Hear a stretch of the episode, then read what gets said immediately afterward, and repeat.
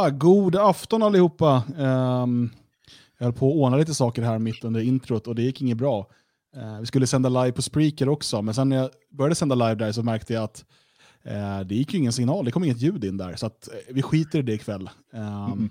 Det har varit en minst sagt stressig dag och vi är glada om vi överhuvudtaget överlever den här sändningen. det vore i och för sig bra content om vi dog mitt under sändning. Där kan man ju säga att den, den tyska socialdemokraten, um, vad heter han nu, Oppen, Oppenheimer, heter han så? Han är kärnvapnen eller? Nej, uh, oh, vad hette han nu? Han dog igår, vicepresident mm. i, uh, i, i Bundestag. Han dog ju precis innan han skulle in i sändning i tv. det, är så här, det är så dåligt, för bara vänta någon minut till så får du liksom göra det live. Mm. Då blir det ju, kan det bli en mem åtminstone. Nu blev han bara en död sosse. Ja, men tänk han, eh, var han serb? Ja, han var serb. Som eh, Säkert. stod anklagad för krigsbrott. Och i rättegången så drog han gift. Just det. Uh, eller då för den delen uh, uh, vänner som gick in i Notre Dame. Mm. Självmord är inte alltid helt sådär dumt. och där avslutar vi dagens program. Så om du har funderat på det så... Nej, det kanske tarvar en, en vidare utläggning. Jag tror det, du får nog fortsätta.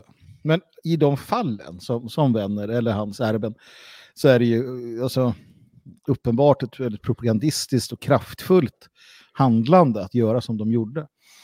Uh, den här sossen, det var ju bara ren tur för, för oss andra som inte gillar sossar. Mm. För honom var det inget bra, så det var ju inte ett, ett statement på det sättet. Jag, jag skyr ju självmord rent generellt, jag gillar det inte, jag har erfarenhet av det. Inte själv naturligtvis. uh, men uh, i, i, i, i, släkten och, och sådär. Uh, och det vart jag arg över, jag tycker inte man ska göra så.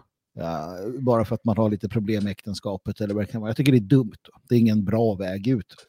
Men om man är sådär krigsbrottsling eller de, de försöker få en för det i Haag eller ja, sådana där saker kan jag tycka att det finns ett, ett värde i det. Mm.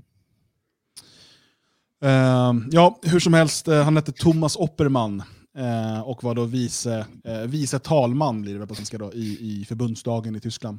Mm. SPD-politiker. 66 år blev han och gick och dog innan han... Han var alltså in, han var inbjuden som live-intervjugäst i sändningen Berlin Direkt till temat förbundsdagen och coronan. Gick han och dog. Mm. Uh, Men inte i så, corona va? Det, det är ju det, ja, det, är det som vore intressant. Om det, det hade ju varit ett statement från hans sida. ja. mm. Mm. Han har gått och liksom slickat på sjuka människor bara för att visa nu att man kan dö i corona. Mm. Eh, vi kommer komma in på lite corona-saker eh, faktiskt om en liten stund. Men först Nej, men vad fan, vi är ju inte klara. Vi är ju inte färdiga Nej. med folk som har tagit livet av sig. Nej, okej, okay, kör. Känner jag. Ja, men jag känner, alltså, när vi ändå pratar om det så måste det ändå sägas ju att eh, Hermann Göring gjorde ju ändå, eh, förvisso inte offentligt, men hans eh, bödel gick ju och längtade efter att ha ihjäl honom. Och um, han lyckades smuggla in på något sätt en sån här giftampull. Så att på morgonen när bödeln liksom kom för att hämta honom så hade han tuggat i sig den och dog liksom i en blinkning så att han blinkade med ena ögat. Och sen hemsökte han eh, den här böden resten av hans liv. Så han gick runt och bara mådde så dåligt över det här resten av sitt liv och Göring bara tog det ifrån han. Det tyckte jag var ett fantastiskt eh, sätt. Om man nu ska ta positiva, annars är självmord inte speciellt bra. Nej. Nej. Nej, alltså ni som lyssnar på det här ska inte ta liv av er. Beror på, om eh, Jonathan Lehmann brukar lyssna på det här. Ja, alltså, vissa utav er. Nej, kan... men det är väl onödigt. Nej. Och... Ja, eller ja, du är så snabb. Jag vet inte. Jag bara kände, den här gropen vi håller på att gräva kan ni sluta gräva i den nu? Jag hämtar en, en hjullastare och så lastar jag hjul i den istället. Så studsar vi upp i gropen och går vidare i programmet. Det där var en segway till dig. Ja, god jul. Tack så mycket. Uh, Björn, hur har helgen varit? Uh, jo då, den har varit uh, uh, lugn. Har den varit. Jag har väl inte gjort speciellt mycket alls. Uh, jag gjorde en film igår som jag la ut på min uh, YouTube-kanal. Så den kan man gå in och titta på efter den här sändningen. Annars så, vi har firat lite Halloween. Va? Jag har bekämpat, jag har försökt bekämpa halloween i, i 20 års tid. Eh, men det är i princip omöjligt nu när, det, när Alltså för de bara matas ju med det redan, eh, alltså pyttesmå liksom överallt så här, och, och, i filmer och på tv och i skolan och så här ska de sitta och göra halloween-grejer och sådär. Så, vi har firat lite halloween har vi gjort. Uh, Eh, vi tänkte vi tar inte det nästa vecka, för nästa vecka så ska man eh, hedra sina eh, förfäder och avlidna och sådär. Så att vi, vi jävlar, den här producenten, uh, sådär. Uh, Jo. Kan vi börja om? Kan vi starta en ny sändning? Så Såg ni, att, såg ni att Dan dog? Hans själ. Han dog i själen. Det var lite kul. Nej, men Jag hade ett vet- samtal jag med Dan precis- tidigare om halloween. Ja, precis. Jag är tokig på det där. Och jag vet precis vad Björn menar. Jag vet precis vad han menar. För att eh, om barnen går antingen på förskola eller i skolan, och liksom förskola kan man ju teoretiskt sett välja bort, men skola är ju skolplikt. Eh, så trycks det där nere i halsen på barnen. Och dessutom som du säger i tv, tidningar, eh, all liksom... Eh, alltså jag, vet, och, och människor har blivit så amerikaniserade. Jag vet till och med om svenskar, och det här är faktiskt sant, svenskar för att jag växt upp med de här, jag har sett på deras ehm, Facebook, eh, som firar Thanksgiving. De är så amerikaniserade. Du vet, de har sett det, det verkar ju kul liksom, att fylla en kalkon och du vet, sen vet de inte så mycket mer. Eh, och, och, men, och, och, liksom Halloween, det är ju nästan omöjligt att undkomma det som förälder. Eh, och, och jag, nej, jag har ju sagt då till min, ja, men, till min grabb då som, eh, som, som går i skolan nu, så jag har sagt att nej, men vi firar inte det och sådär. Men jag känner mig ju som den elake då. Liksom. Jag är ju den Men som man blir ju som de här jävla, eh, vad är det för kristna typer som inte firar jul? Eh, Och alla tycker liksom, åh vilka taskiga, för, ja Jehovas, liksom, vilka taskiga föräldrar som inte firar jul med sina barn. Det blir lite samma grej, så man, man blir liksom tvungen, vi försöker tona ner det, vi försöker så här, lite locket på, men, men, men lite sånt där måste det bli. Jag, jag har lyckats väldigt framgångsrikt att motverka det i många år. Ett år hade jag en fundering på att åka runt och försöka spränga såna här pumper som folk hade satt ut, men jag, jag fick aldrig... Jag var, jag var för lat helt enkelt. Pumpor, pu- pumpor där, är de ens, är de ens liksom... Jag hävdar att de inte tillhör den svenska faunan. Det är en invasiv Men, eh, vadå? art. till, skill- till, skillnad från, eh, till skillnad från saffran som vi har i lussebullar då? eller? Det har Ja, vi alltid till skillnad från saffran. Det, jag Precis, har ingen saffran i, jag har kålrot i mina bullar. Ja, det har jag. Nej, men det jag, tycker, det jag tycker är värst med alltihop, det är ju liksom att man försöker pressa bort våra mm, högtider och framförallt att man försöker trycka bort det här liksom att man, man kan vara ledsen, att man kan tänka på sina förfäder. Jag menar, det, det firas påsk i viss mån fortfarande, men långfredagen är ju borttagen. Det är ju inte så att liksom allting är stängt och tv bara sänder skittråkiga program om Jesus med någon jävla berättarröst och stillbilder, utan det, det är ju jag ska vara Eh. Snarare, det är snarare en eh, rolig dag som, som man håller på eh, och allt det där och, och att man nu ska då proppa in det här eh, amerikaniserade halloween-firandet istället för att vi liksom ska ägna oss åt att tänka på våra förfäder. Eh, Det, det är ju smutsigt, så att jag, men ja, det är svårt att undkomma och man vill inte vara för elak utan man blir illa tvungen. Men sen får man i alla fall se till att även de, de allvarliga bitarna finns kvar. Alltså, nu är det som så att ett av de stora problemen i västvärlden är att folk har på tok för roligt hela tiden. Ja, så det där Mm. måste man verkligen stävja. Folk ska inte Det ha är tur att du aldrig ska starta ett politiskt parti Magnus, för att det där kommer inte vara bra. Men, men jag har... Alltså ett problem, svenskar, ett problem vi har i vårt land, det är att ni har alldeles för kul. Vi Mm. är tråkpartiet. Rösta på oss om du vill ha tråkigare liv. Angling påpekar förresten för Magnus här att pumpan inte är ett djur. Va? Man tror ju det, inte. man tror ju det. Ja, Att de det- bara klipper av benen, att det är stora Ja. spindlar som kryper runt. Men det Det är, här är inte... Nej, det hade jag det är fel. tydligen, tydligen en blomma. Och du ser, ful blomma också, stor i tungan också. Men det jag tänker vad, vad det gäller det här, det är, jag har ändå lyckats tycka rätt bra eh, med det där. Som sagt, i skolan kommer du ju inte undan med tanke på skolplikten, men, men eh, vi har ju sällan kul hemma hos mig. Nej. rent generellt sett. Va? Och jag har till och med fått min son att, att när det kommer, det kom några och skulle sälja jultidningar, jag var inte hemma, då öppnade han och så sa han, ja jultidning, nej vi ska inte ha något, och så stängde han dörren. Uh, tyckte jag var bra. Jag brukar, nu ska jag, I år ska jag lära en göra så mot de här som kommer och ska ha godis. Så säger de bus och godis. Då säger man nej tack, eh, vare sig eller. Och så stänger man dörren. Jag tror inte det är så det går till. Men de ska ju inte knacka på din dörr. Alltså, eh, om man Nej, det är ju första misstaget. Om man har, det är ju bara de som sätter ut massa skit utanför, pumper och grejer. Det är ju de man knackar på oss. De andra är ju inte med. Sån är ju överenskommelsen. Ja, men den tror jag många inte Nu har ju mina om. grannar satt upp grejer utanför, så att jag är ju automatiskt med. Ja, du bor i lägenhet? Ja, Okej, ja, det, ja, det blir svårt. Annars fick jag höra eh, på, på att det var lite sådär lokalt skvaller. Jag, jag ska, via omvägar fick jag höra att, att, eh, att, att jag var en dryg jävel. Va? Eh, så var det någon i byn här som sa eh, att den där, den där Magnus, han var, hela DFS var dryga och Magnus var dryg. Stockholm. Jag, jag, det roliga var varför det här är lögn. Det är för att personen i fråga sa att han, tar med, han, han bjuder hit alla sina kompisar och sen så liksom har de ett jävla liv.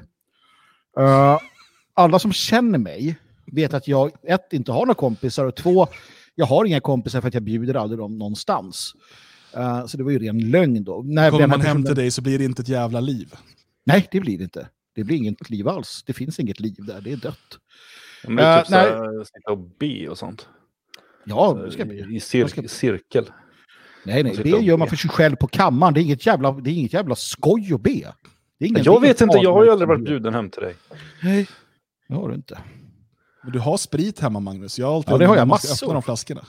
Åtskilliga liter faktiskt. Man kommer alltid hem till dig och är så glad. Åh, kolla spriten står framme. Du bara, nu ska det bes. Jaha.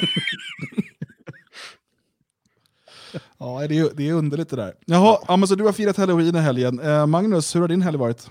Jo, men det var, det var en trevlig helg som, som vanligt. Eh, Det vart en budkavle här i huset. Vi bytte lokalitet i huset. Vi har ju varit i eh, biblioteket några gånger. Men nu så flyttar vi ner till, till mellanstora salen, eller kafédelen. Eh, där det avhandlades ett väldigt viktigt ämne. Kommer upp här nu på onsdag kväll 20.00 tror jag var dagen. Det brukar vara då det kommer upp på, på föreningens YouTube-kanal. ja. Mm. Svegot DFS ideell förening som den heter. Just. På tal om tråkigt. Med firma ska det stå också. Med firma Svegot. Svegot DFS. Sen måste man skriva in styrelsens alla medlemmar också. Sen- kommer det rätt. Ja. Eh, Det har jag gjort. Ehm, Sen har jag suttit och planerat en del inför, inför nästa helg och, och lite inför det som sker här i huset. Vi har ju haft en husherre, som, ja, Josef som han heter. Han, han har ägnat eh, mycket tid åt att stå ute i regn och snålblåst. Inte bara det, han har ju faktiskt snickrat timme samtidigt. in. Och snickrat har han gjort också, han har inte bara stått där. Även om jag tycker att det är föredömligt att stå och tråkigt i en lift. Ja, men det är snickrat så, och gjorts fint och, och sådär. Fantastiskt det vad fint det har blivit måste jag säga. Så att, eh, ja, nej, men det har varit mycket. Ja, ja det är, det är Själv då? Fint. Eh, jag minns inte. Bra. Den här dagen har varit så intensiv så att jag, jag, helgen är utraderad ur, ur mitt minne. Man kan nästan Eh, tro att jag har burit jag flyger saker. drake, sån här, vad heter, heter det inte flyga drake? Jo, man är ute så här som åker i vinden. Ja, Men jaga drake, då- det hinner man röker på. Det sa de alltid Just med det. Kallhäll, man Puff- jagar Puff the drake. Magic Dragon. Precis. Det det vi gjorde, jag och mina barn. Man ska ja, ha tråkigt. Eriksson. Ja. Hoppas det var dålig, ful knark du fick i dig. Ja. Ja, så är det i alla fall. Mm. Eh, det här är eh, Kväll med Svegot och här pratar vi eh, om en massa saker ikväll. Men jag tänkte börja med eh, att prata om en podcast som kom ut idag. Alltså vi, det här är en podcast som pratar om en podcast. Det här är jävla bra. Ehm, just det. Ehm, och det är Navid Modiris podcast eh, Hur kan vi? Ja, det, det Eh, undrar jag med när jag ser den.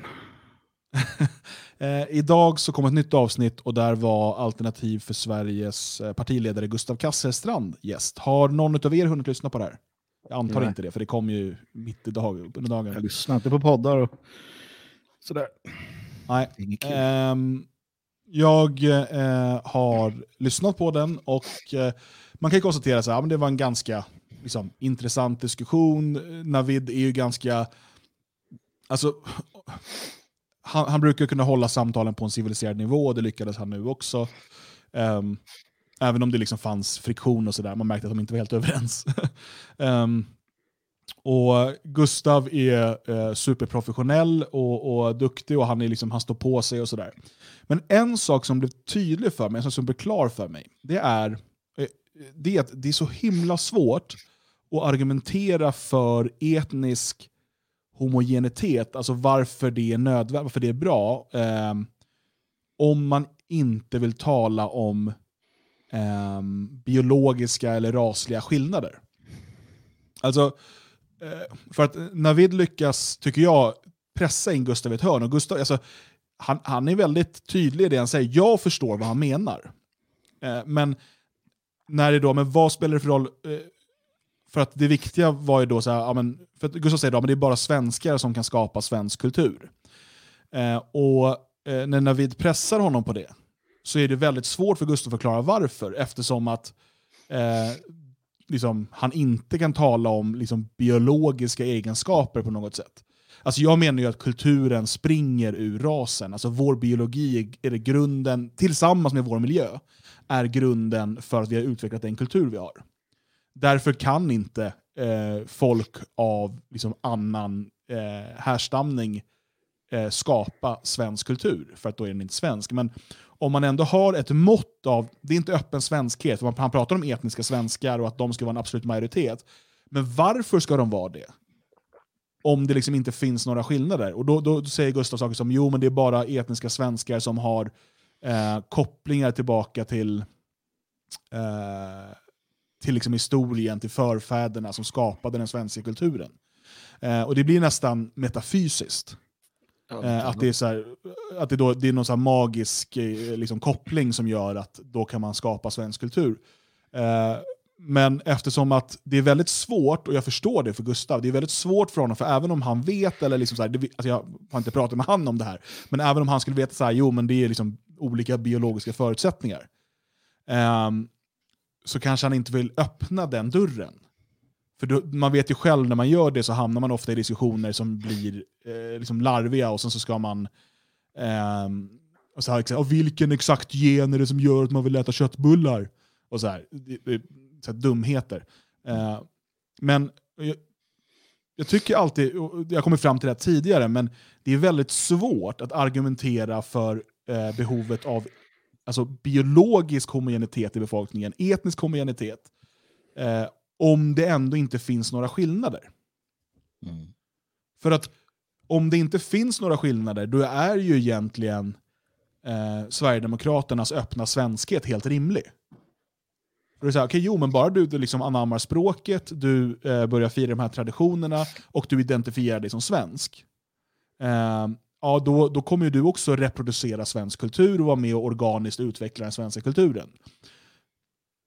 Eh, och, och jag, jag, tror att man får, ett, man får ett jätteproblem i längden retoriskt om man, eh, som Alternativ för Sverige, då, eller Gustav i den här intervjun, hel, argumenterar för att det är viktigt att de etniska svenskarna utgör en stor majoritet i Sverige, för att det bara är svenskar som kan skapa eh, och eh, liksom vidareutveckla svensk kultur. Men på frågan varför så blir det jo för det är bara de som har koppling till förfäderna. För ni förstår ni vilket svårt läge man hamnar i här? Eh, ja. om, man då, om det inte finns, om man inte kan säga jo för att det är bara svenskar som har Alltså, det, det, det är en väldigt svår liksom, logisk fälla som man hamnar i någonstans. Mm. jo, jag förstår absolut. Och det är väl lite olyckligt får man säga. Att, att man ändå inte eh, väljer att öppna den dörren. För att uh, ras är ändå alltså, svaret på väldigt många frågor. Ja, så här. Flera problem tycker jag ändå. Ett är hur lång tid? Om 500 år är Navid och gänget, då är de svenskar eller? Alltså, eller de som kom innan eh, för vi har haft folkvandring, alltså vi har haft folkvandring till Sverige åtskilliga gånger. Är det stridsyxefolket eller är det kul, vad heter de där, gräva gropar-folket eller är det liksom, ja, vilket folk och när? Och om vi då blandar, och de blev ju blandade, och det är de som vi ser som svenskar.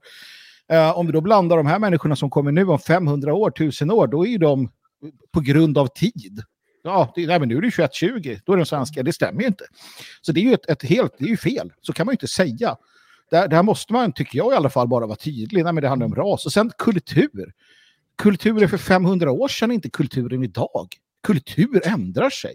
Kultur eh, förändras, blir nya infall utifrån. Vi lär känna människor här och där. Vi tar in saker och det blir en ny, eh, ny kultur som förvisso har, har drag av det som är det gamla. Sen finns det vissa delar, ett kynne, en, en essens.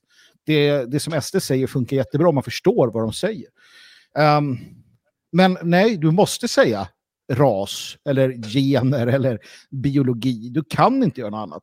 Och jag tror att, jag tror att man gräver lite en... en ja, det är, jag förstår hur han tänker. Jag tycker bara att han tänker fel. Jag vill ha ett parti som, som faktiskt tar i den frågan. Uh, och, och nu ser vi hur Sverigedemokraterna flyttar fram sina positioner. Nu, nu ser vi ju hur de eh, pratar återvandring och hur de pratar lite annat som de inte har gjort tidigare. Vinge är ju igång i gasen. Uh, så vitt jag förstått och det lilla jag har läst. Va? Så här gäller det ju.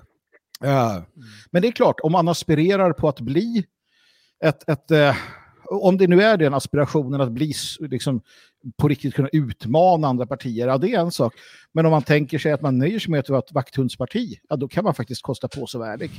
Ja, ja precis. För att det finns, alltså, att tala om ras och om biologiska skillnader liksom generellt mellan folkgrupper, det är inte politiskt gångbart i Sverige om du vill ha demokratisk framgång idag. Det kan vara det i framtiden, men då är det ett metapolitiskt arbete som behövs göras först. så att säga.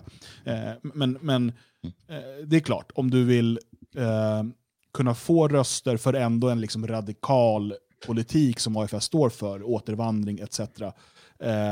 Så tror jag att de, det, skulle, det skulle vara en otjänst för dem att börja tala om detta. Mm. För att kunna, om, de, om de snabbare vill kunna nå eh, ett högre eh, antal röster.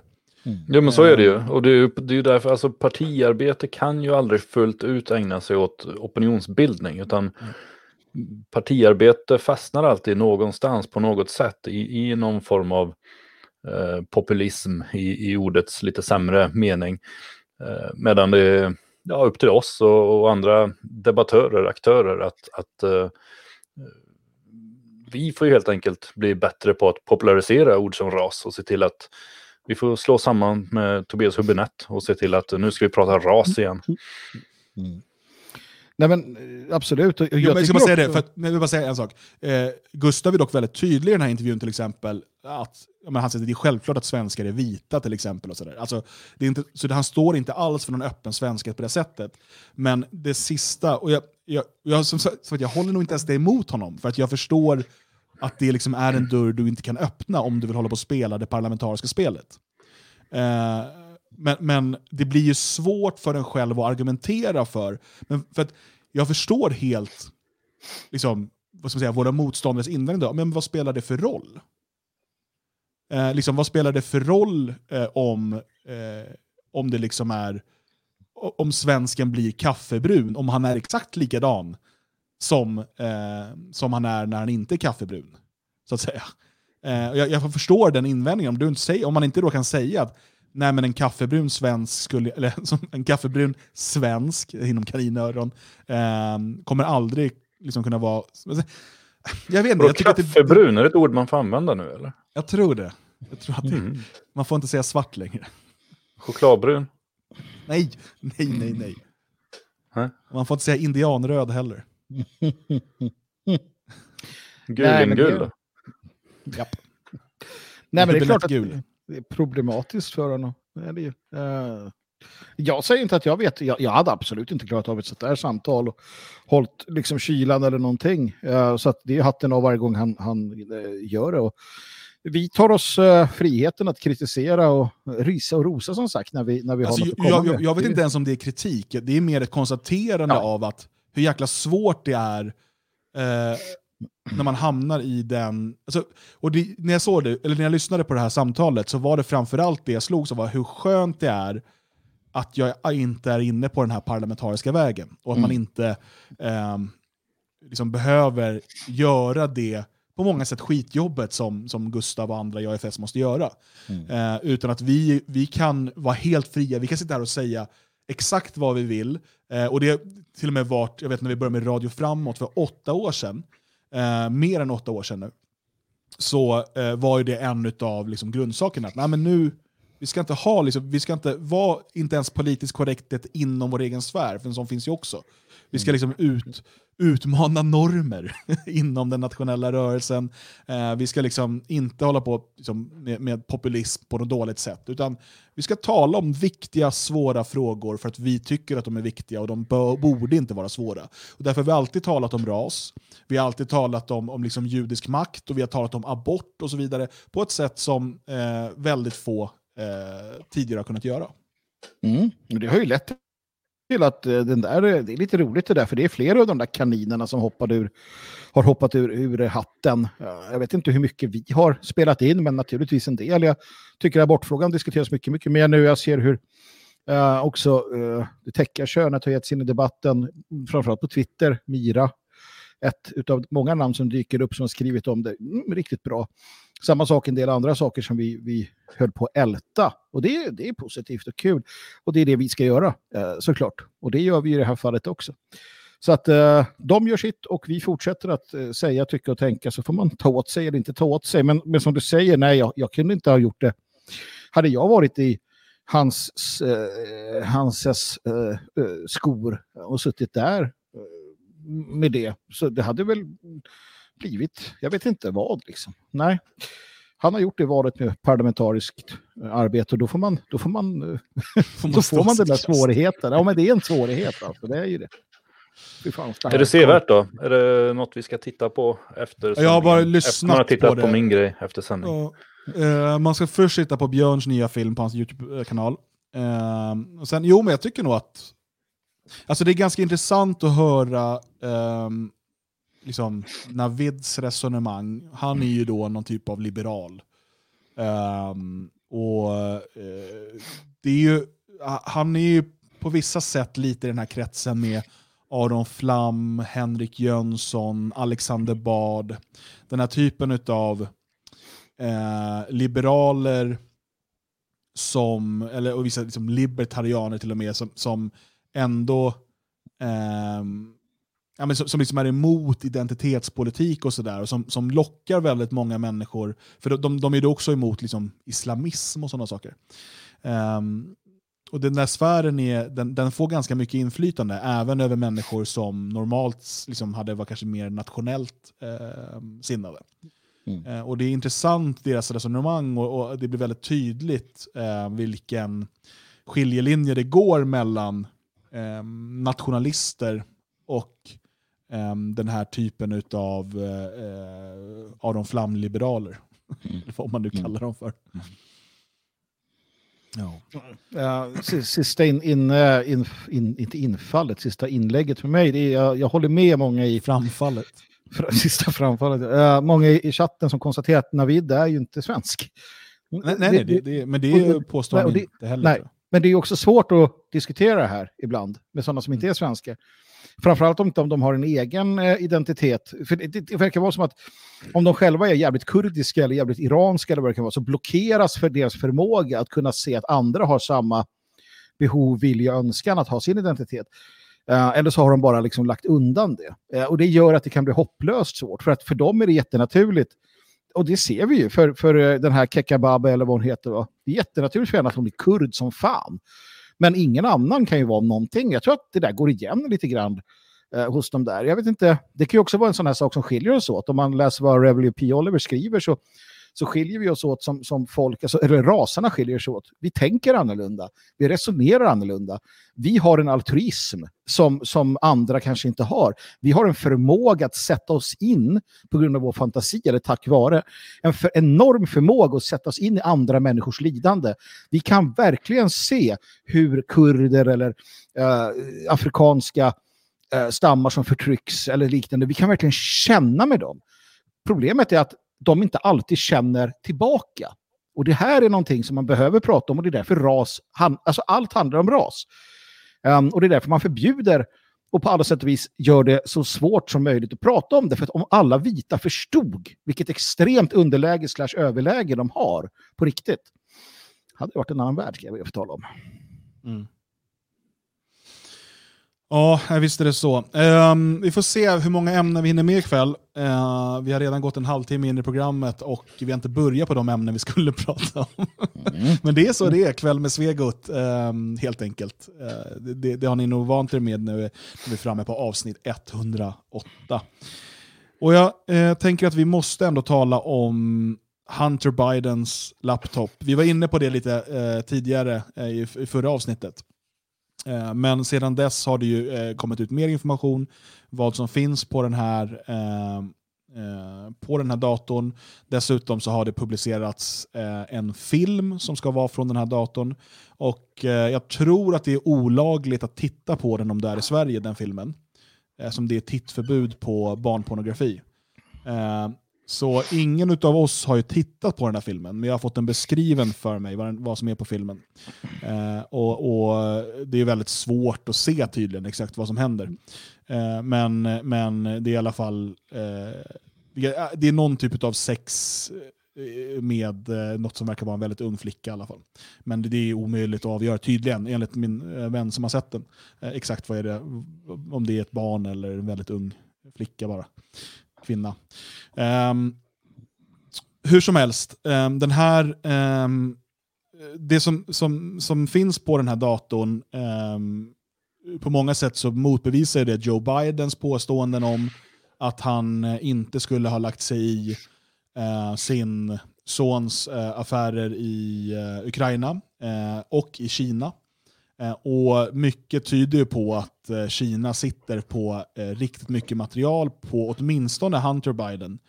vilket gör att man så att säga har honom, man, har en hållhake på honom helt enkelt. Mm. och Samtidigt har den här datorn blivit något som man typ inte får prata om. den har, det är liksom, vi vet att länkar har censurerats etc. och den ska, det ska liksom bara gömmas bort. Joe Biden har ju mer eller mindre gått och gömt sig i någon källare någonstans och vägrar prata med media. Mm. Eh, och, och de, Den största delen av medien ställer ju inte ens frågor om det här. Så han försöker kontrollera nu fram till presidentvalet så att han eh, inte ska få behöva svara på någonting om, om innehållet på den här datorn. Eh, Magnus, har du hängt med någonting i det här? Alltså, det, det, är så mycket fram och tillbaka, men det är som du säger framförallt svårt eftersom att vi inte har det är ingen bredd på uppgifterna som kommer och det är ganska i många fall obskyra sidor som, som förmedlar det ena med det tredje och det är breaking news. Det här och det här har hänt, men det är svårt att få saker och ting bekräftade. Men det du sa är ju ändå det som jag känner att vi någonstans vet. Vi vet också att i alla fall FBI med flera har ännu inte ändrat för det har ju varit diskussioner då naturligtvis om att det här skulle ha varit, nej men det är, det är Ryssland som har planterat den här laptopen och allting och en massa sådana här saker. Men det, det har um, ehm, FBI sagt att så är det inte. Det finns ingenting som tyder på det i alla fall. Och, mm. och, och, det står kvar så att säga. Så att, uh, nej, vi kan nog ta att, att, det, att det här är uh, till stor del uh, konfronterande och det äkta. Sen finns det ju någonting som heter deepfakes nu för tiden. Och det gör ju att det är jättesvårt att och ens tro på det du ser. Alltså du vet inte och jag tycker att man ska vara försiktig. Även om då Hunter Biden verkar vara en jävla otrevlig typ. Och, och det baserar jag inte bara på den här laptopens innehåll utan det är allt annat som har hänt genom historien med, med droger och, och allt vad det nu handlar om. Ett, ett ett ganska vilt liv om vi så kan säga. Men eh, det som är tydligt är ju att, eh, som, som du är inne på där, att man, att man helt försöker gömma undan det här. Och det enda som sipprar fram är att försöka eh, eh, säga att det inte är sant på ett eller annat sätt. Eh, New York Post, vill jag minnas, är fortfarande... De, de, alltså deras konton är, är frysta. Uh, I alla fall som har med nyheterna att göra. Jag tror att deras typ, så kult, eller så här, nöjessektion fick komma fram och så. Men du får ju inte dela det här fortfarande. Va? Det blev väl inte bättre av att Post nu gick ut och, och uh, sa att de står på Trumps sida i valet heller.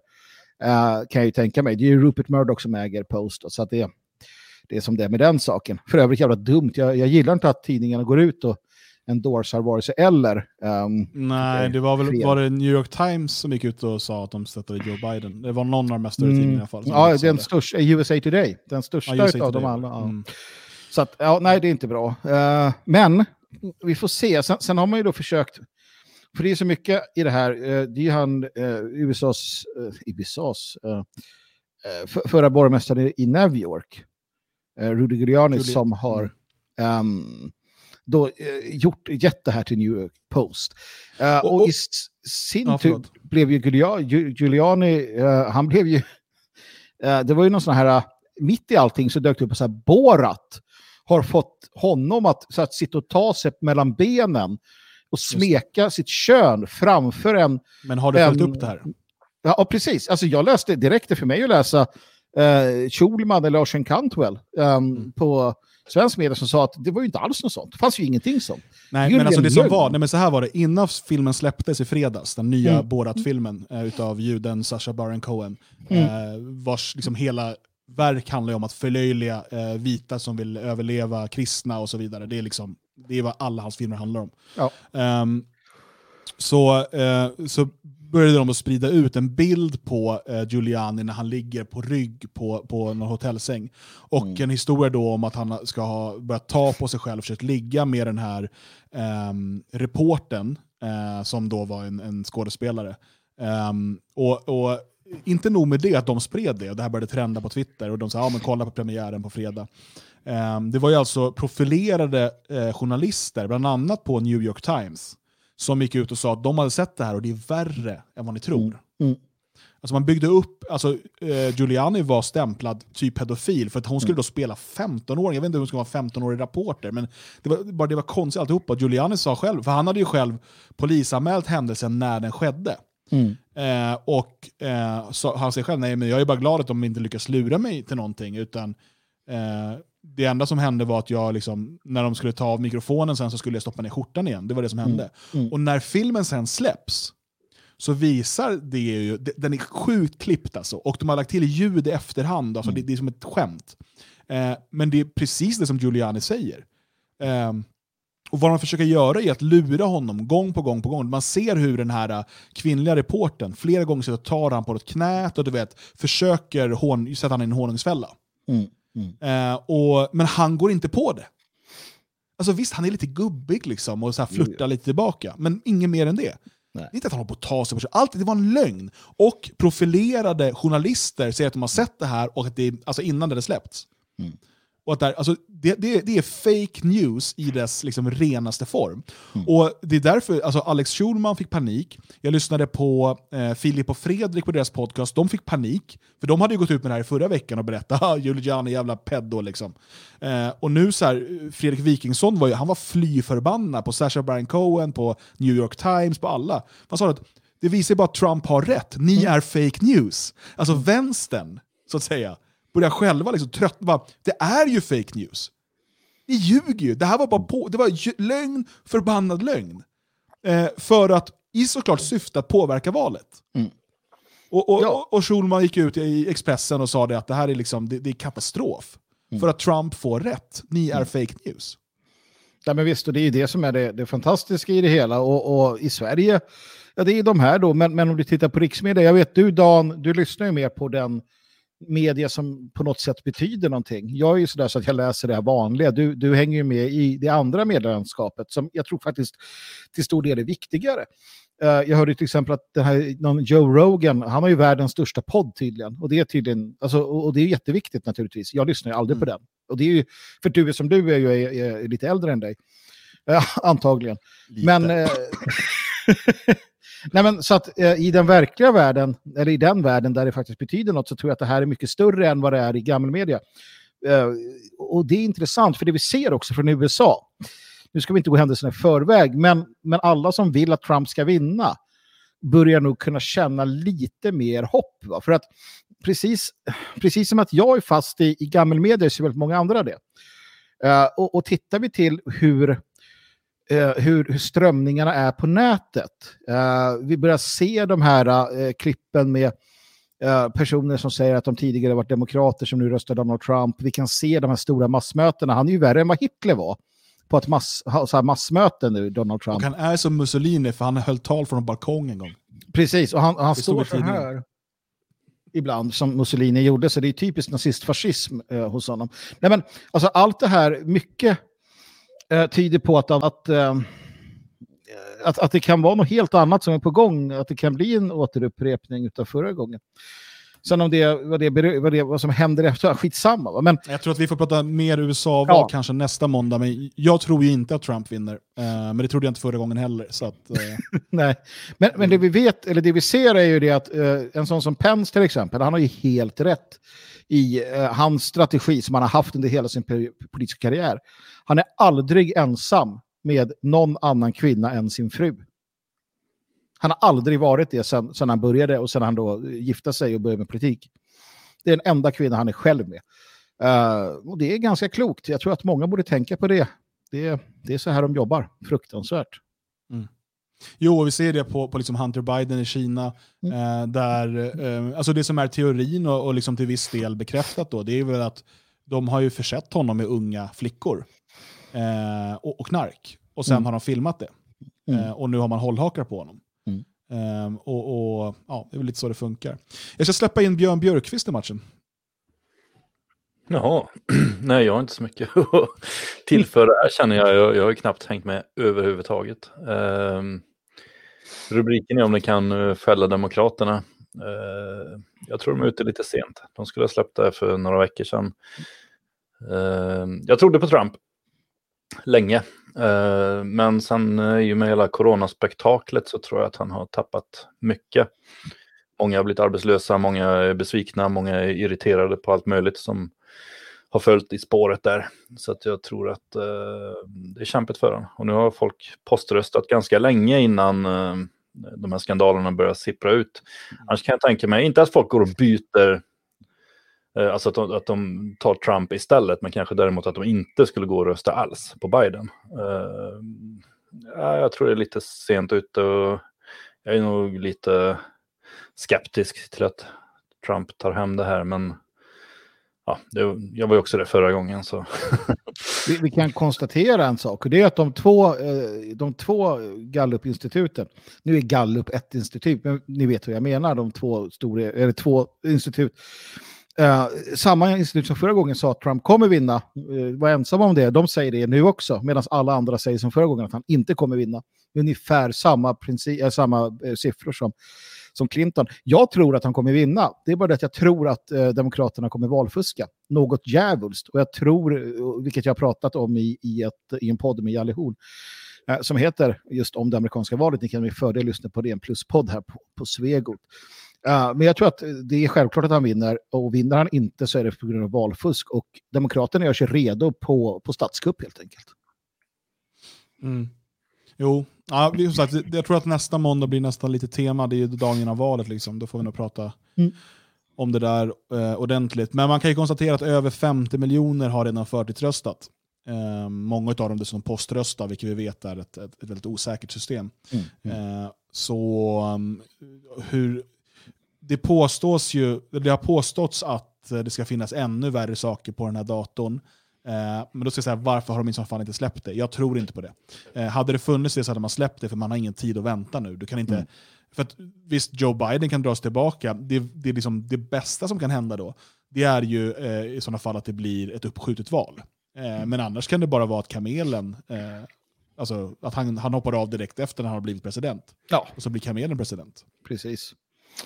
Ja, och kamelen Harry på den platsen, det vill vi inte ha, det kan jag säga på en gång. Ja, herregud i himlen.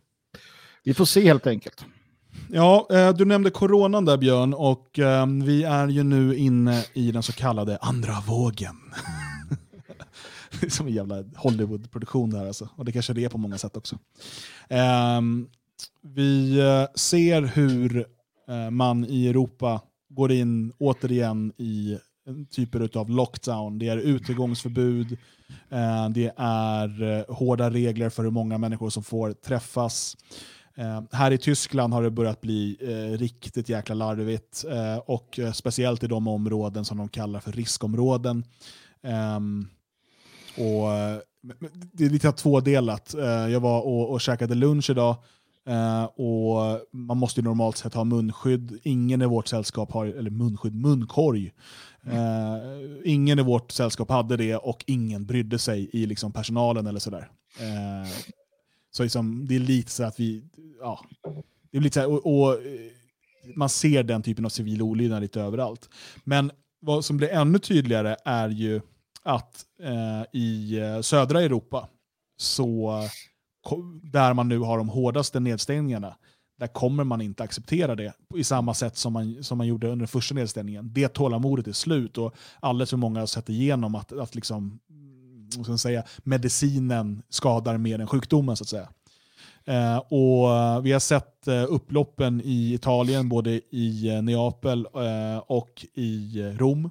Och jag vet att det bara är början. Och i Frankrike, där man nu har utgångsförbud i flera städer på kvällarna, där kokar det under ytan eh, även när det gäller det här. Och I de här länderna har man, man är lite mer lagd åt liksom, revolutioner, upplopp, kravaller och så vidare än vad man kanske är i Skandinavien och, och, och i Tyskland. Um, och Alltså om man genomför ordentliga lockdowns nu, vilket man ju hotar med överallt, um, så jag tror inte att det kommer gå lika fredfullt till som det ändå gjorde i, i våras. Um, vad, uh, vad tänker du om det Björn? Uh, ja, jag har ganska dålig koll på vad de håller på med Det- borta kring faktiskt. Jag är fortfarande inne på att jag tror att, eh, att allting kommer lugna sig hyfsat efter uh, amerikanska valet. Så att, uh, jag tror att just nu blåser man upp det, men jag, jag tror inte det blir ja, vi är inne i andra vågen, men jag tror inte det kommer bli någon tredje, fjärde våg på det här sättet, utan eh, sen kommer man bara konstatera kallt att eh, ja, nej, nu är corona i farten igen, men det är inte så farligt som, som vi trodde tidigare. Och, och eh, ni kan fortsätta konsumera och leva som vanligt. Kanske delvis för, för, för de, de bilderna vi ser, men framför framförallt för att det har fyllt sin funktion efter det amerikanska valet. Jag tycker att det, det du säger där är också intressant för att det du säger är ju precis sanningen. Va? Det som händer nu är ju att människor i jättemånga människor är smittade. Men det är också det som är. Och, och det är det man utgår ifrån. Åh, titta det är så många smittade, nu måste vi stänga ner allting.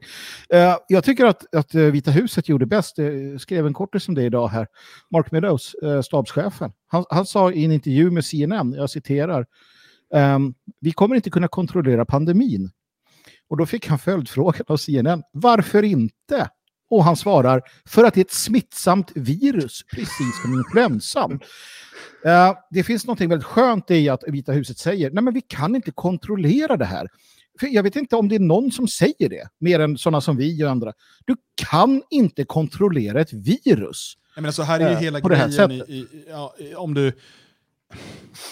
Vi, vi, eh, nu är inte han med här och kan försvara sig, men vi hade ju med Daniel Friberg i, en sändning i, i våras, eh, Mm. som bor i Polen.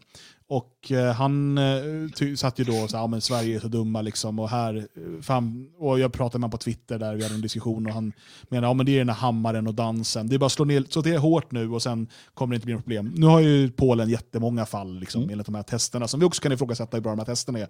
Men låt det, det är en annan sak. Eh, och, och nu har man totalt kaos där och inte vet vad man ska göra.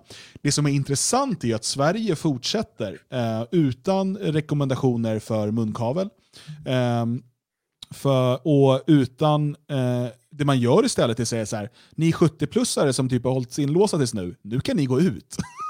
nu ska ni leva som alla andra. Eh, tänk på avstånd och sådär. Eh, man ökar upp nu eh, offentliga tillställningar från 50 till 300.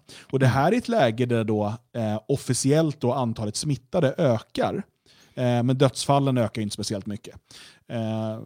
Utan, och det finns ju vilken, som sagt, det finns tusen sidor diskussioner här om testerna, om viruset, virusets eh, farlighet och så vidare.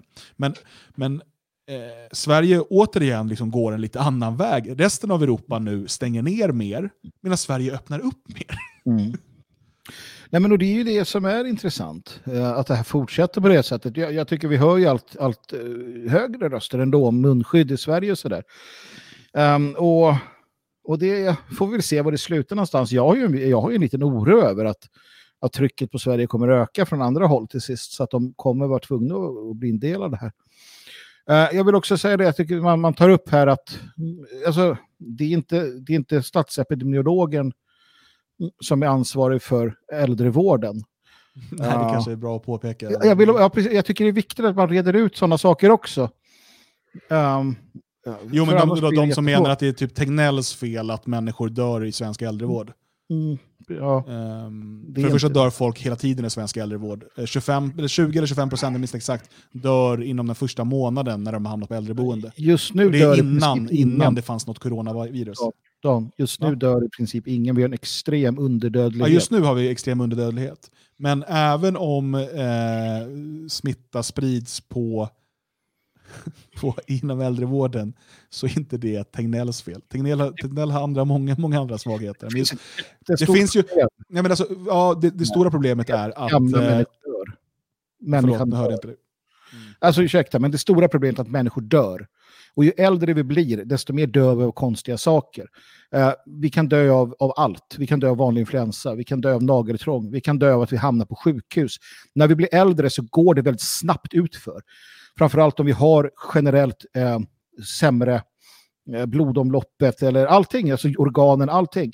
Eh, och till sist dör vi. Alla dör. Och, och det faktum att människor dör nu och varför folk är så upprörda, det är ju för att, att en, en generation av svenskar, eller för den delen eh, vita västerlänningar, blev medvetna om sin egen dödlighet eh, i och med detta. Och att de eh, faktiskt blev djupt personligt kränkta över att inte världen eh, kan rädda deras liv i, all evighet.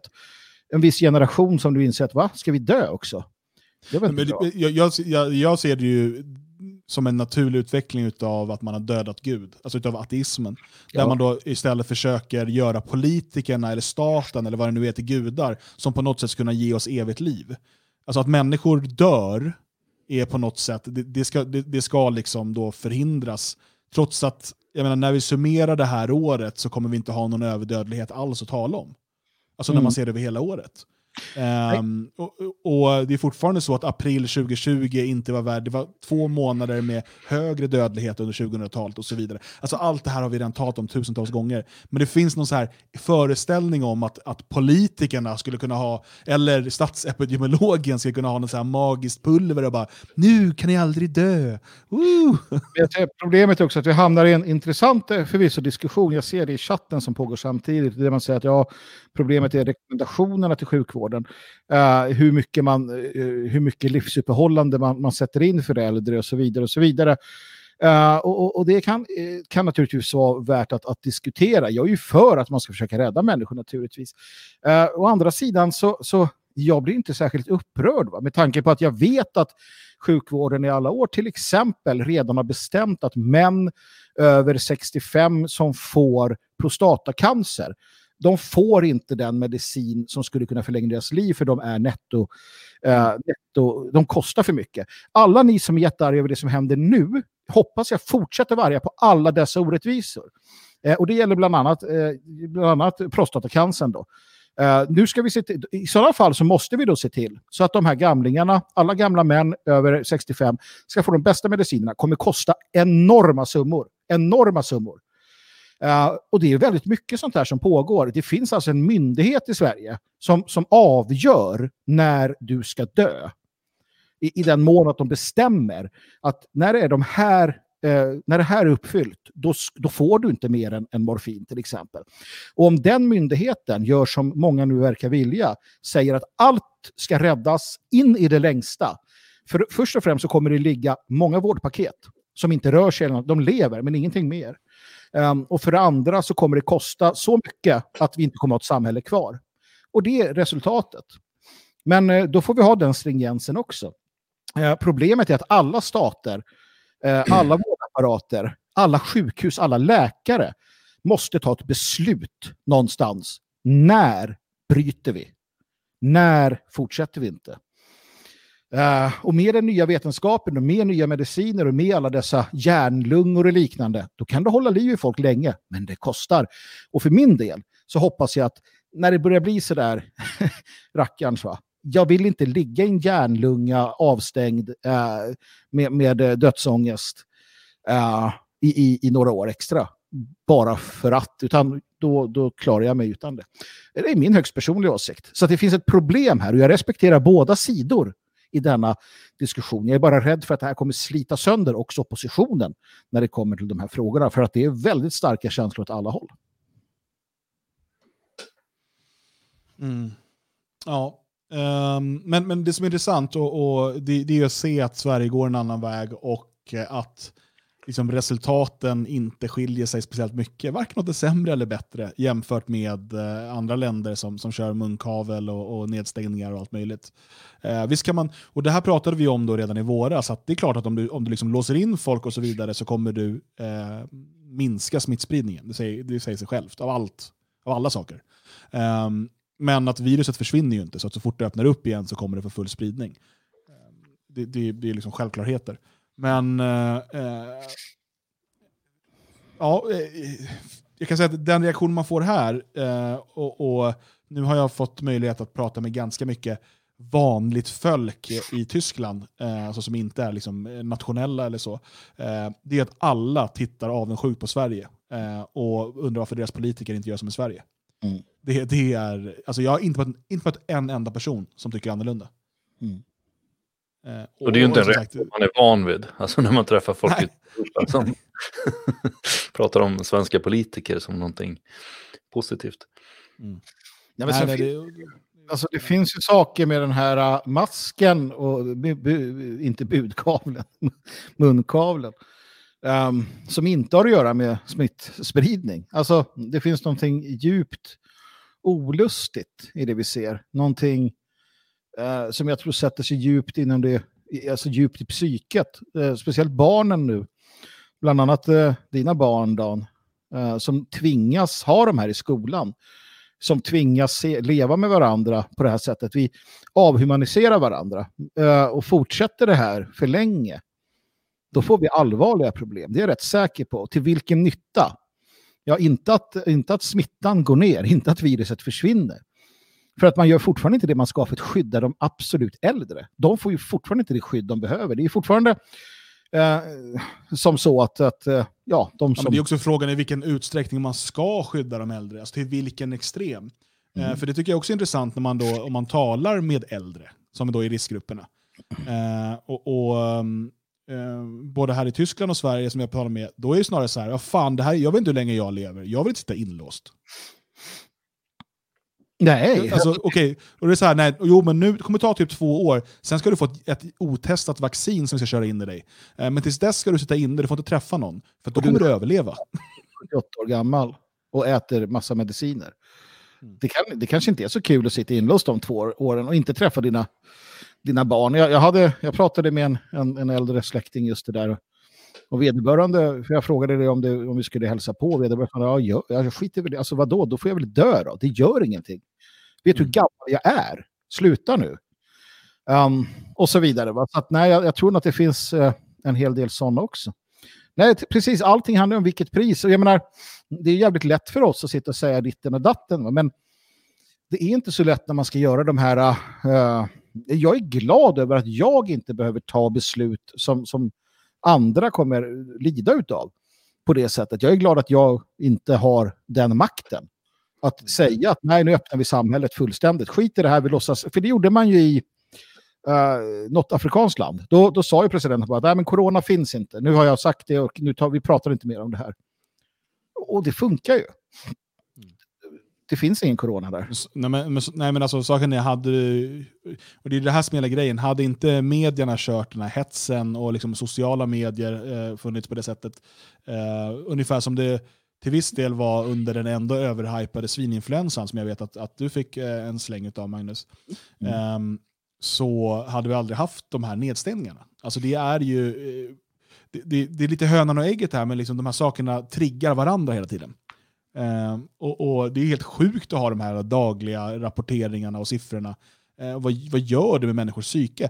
Jag tycker vi ska börja med det liksom varje influensasäsong. Fan vad det är galet det kommer bli. Alltså. Ehm, eh, nej. Och, och, eh, men, men som sagt, jag, jag, det här kommer bli en spännande vinter. Jag skriver lite om det här i nästa nummer av Nationalisten också. Mm. Men det kommer bli en spännande vinter.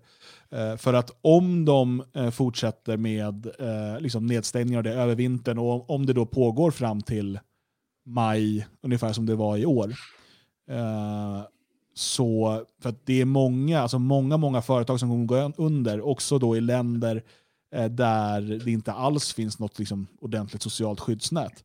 Mm. Eh, jag pratade med en vän i Grekland, vi pratade igår tror jag det var, Um, vi pratade först om Gyllene gryning och sen uh, så kom vi in på det här då med, med nedstängningen av det. Och, och han sa det att problemet som jag tror att man kanske inte fattar i norra Europa, det är att uh, vi har inte liksom socialbidrag eller så, så på det sätt som ni har.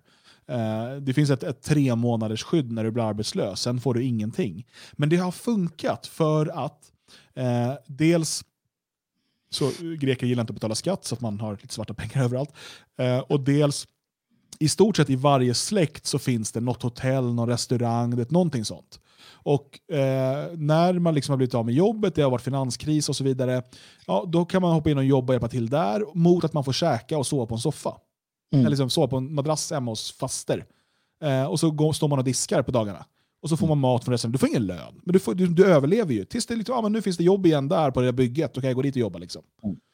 Eh, men det som händer nu är att de, man, man får fram en finanskris samtidigt som man slår sönder restauranger, hotell, allt det som, som de i Sydeuropa då har haft som, som en typ av livförsäkring. Mm. Eh, så man har inte sociala skyddsnäten på det sätt som vi har i norra Europa. Eh, och dessutom eh, så slår man sönder den typen av social skyddsnät som man då har inbyggt i, i de här familjebaserade strukturerna. Mm. Så och vad händer när folk blir hungriga? Jag pratade i förra veckan med eh, Roberto Fiore eh, och de, Forza Nova var ju liksom drivande bakom de här demonstrationerna som sen blev kravaller i, i Rom. Eh, och han, enligt honom då så, så som, det, det är ju folk som inte har mat till sina barn. Alltså folk som förtvivlat, alltså italienare som går på gatorna och tigger. Mm. För att de inte alltså för att få mat till sina barn. Alltså på, något som, på ett sätt som det aldrig har varit förut. Och det är ju bara början. Precis, och man skyddar ingen heller. Det är det. Det, det. det är inte så att de insatserna kommer göra någon nytta alls. Det var någon som skrev det tidigare i chatten att, att eh, ja, alltså om vi, om vi håller oss inlåsta i ett par miljoner år så kanske det här viruset försvinner. Och det är ju så, vi pratar ju om, om, om, om, om eh, liksom ett, ett sars-virus, det finns ju fler än det här naturligtvis. Och de har ju hängt med ett tag, kommer nya då och då och så vidare. Det vi pratade om i början, som jag minns, det var ju det när vi inte visste och när vi sa, och jag, det står jag fast vid, alltså skulle det vara ett virus likt, likt äh, den här eh, eländiga böldpesten vi hade en gång i tiden som slog till på samma sätt att folk blev sjuka och sen så gick de ut på gatan så dog de mitt på stan. De bara dog, det föll omkull människor till höger och vänster och vi har inte någon aning om vad det här är. Ja, då säger jag det, stäng ner allt. Eh, in med dig, stäng ner allt, liksom, ja, eh, och, och låt, låt oss arbeta på det. Men i och med att vi nu vet Uh, vi vet ju faktiskt, vi vet uh, hur det ser ut med dödligheten på, på det här. Vi ser att, jag tror till och med att 70 plus, eller 70, alltså inte ens där är det någon överdödlighet, utan det är på de absolut äldsta och mest utsatta. Där du har en, en överdödlighet gentemot, uh, och, och framförallt nu då, när man har liksom lyckats fintuna mer hur man behandlar det hela. Då finns det ju inte något skäl um, att hålla på. Och i sådana fall så kan man ge den absolut äldsta delen av befolkningen. Vill ni, vill ni komma till våra speciella coronahem där ni sitter isolerade 24 timmar om dygnet, eh, ni som är 80 plus, ni kan komma hit och flytta in här. Ni sitter isolerade 24 timmar om dygnet och, och luftslussar och allting. Eh, och, och, och då försöker vi få det att överleva. I, I övrigt så försöker vi tänka på de mest grundläggande basala delarna. Någonstans där tycker jag att man kanske kan landa till sist faktiskt. Mm. Så får man välja själv då. Är man 80 plus, ja men jag vill bli isolerad Uh, i en Jag tror det skulle vara väldigt tomt på de där eh, isoleringshemmen faktiskt. Ja visst, men det är möjligt. Men då har vi i alla fall gett dem det valet. Uh, jag tycker att gamlingar kan få prata för sig själva. Alla pratar för dem. Det är sällan de får säga något själv. Mm. Ja, eh, jag tänker att efter musiken så ska vi titta på ett nytt filmklipp ifrån World Economic Forum. Vi har pratat tidigare om The Great Reset och det här hänger ihop, tro mig. Eh, men eh, vi, jag tar det efter musiken eh, och eh, passar på att ta en liten paus. Vi är snart tillbaka.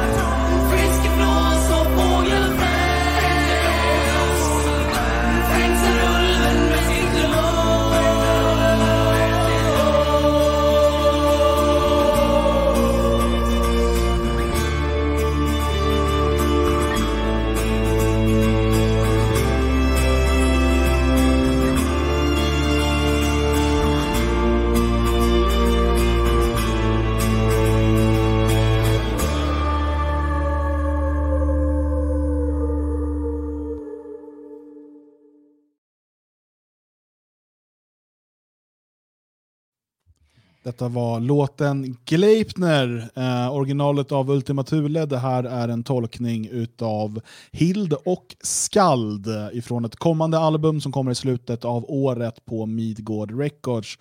Stöd nationalistisk musik, köp original. Eh, om du saknar CD-spelare och vinylspelare och sånt där och därför inte vill köpa något, teckna ett abonnemang på Liberplay eh, och se till att eh, nationalistiska musiker därmed eh, kan få betalt för sin musik, eh, åtminstone så de kan täcka kostnader för studio och så vidare. Eh, annars blir det ingen mer musik gjord. Eh, så enkelt är det.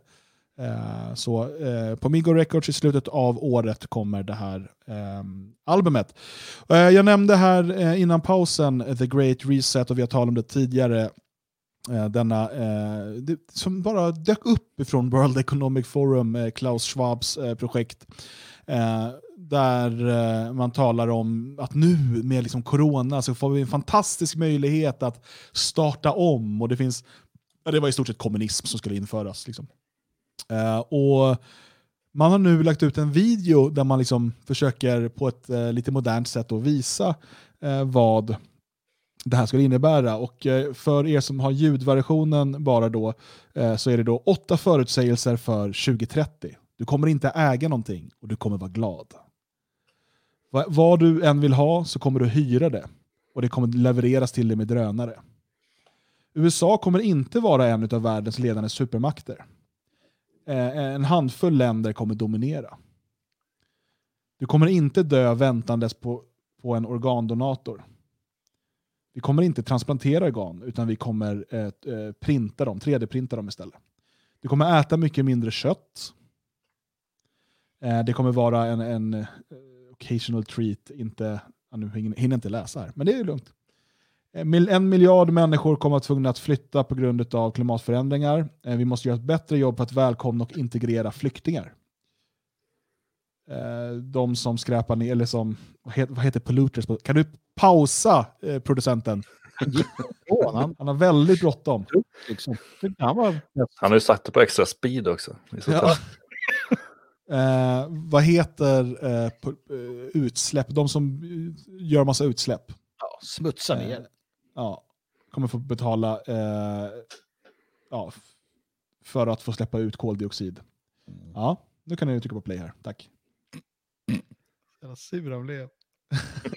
det kommer vara ett, finnas ett globalt pris på syre. Nej, kol. Nej, det är ju det där. Kol. Carbon dioxide. Ja kol. Det, eh, precis. Eh, det, kol. Eh, det kommer hjälpa till att göra fossila bränslen till historia. Mm. Det var nummer sex. Sen har vi nummer sju. Du kommer kunna förbereda dig på att åka till Mars. Mm. Eh, och eh, forskare kommer ha räknat ut hur du kommer kunna hålla dig frisk i rymden. Okay, ja. Och de sweeten the deal här på slutet. Det här, är, precis, det här är starten på resan för att hitta eh, aliens. Mm. Väst, västerländska värderingar kommer att testats till en brytpunkt.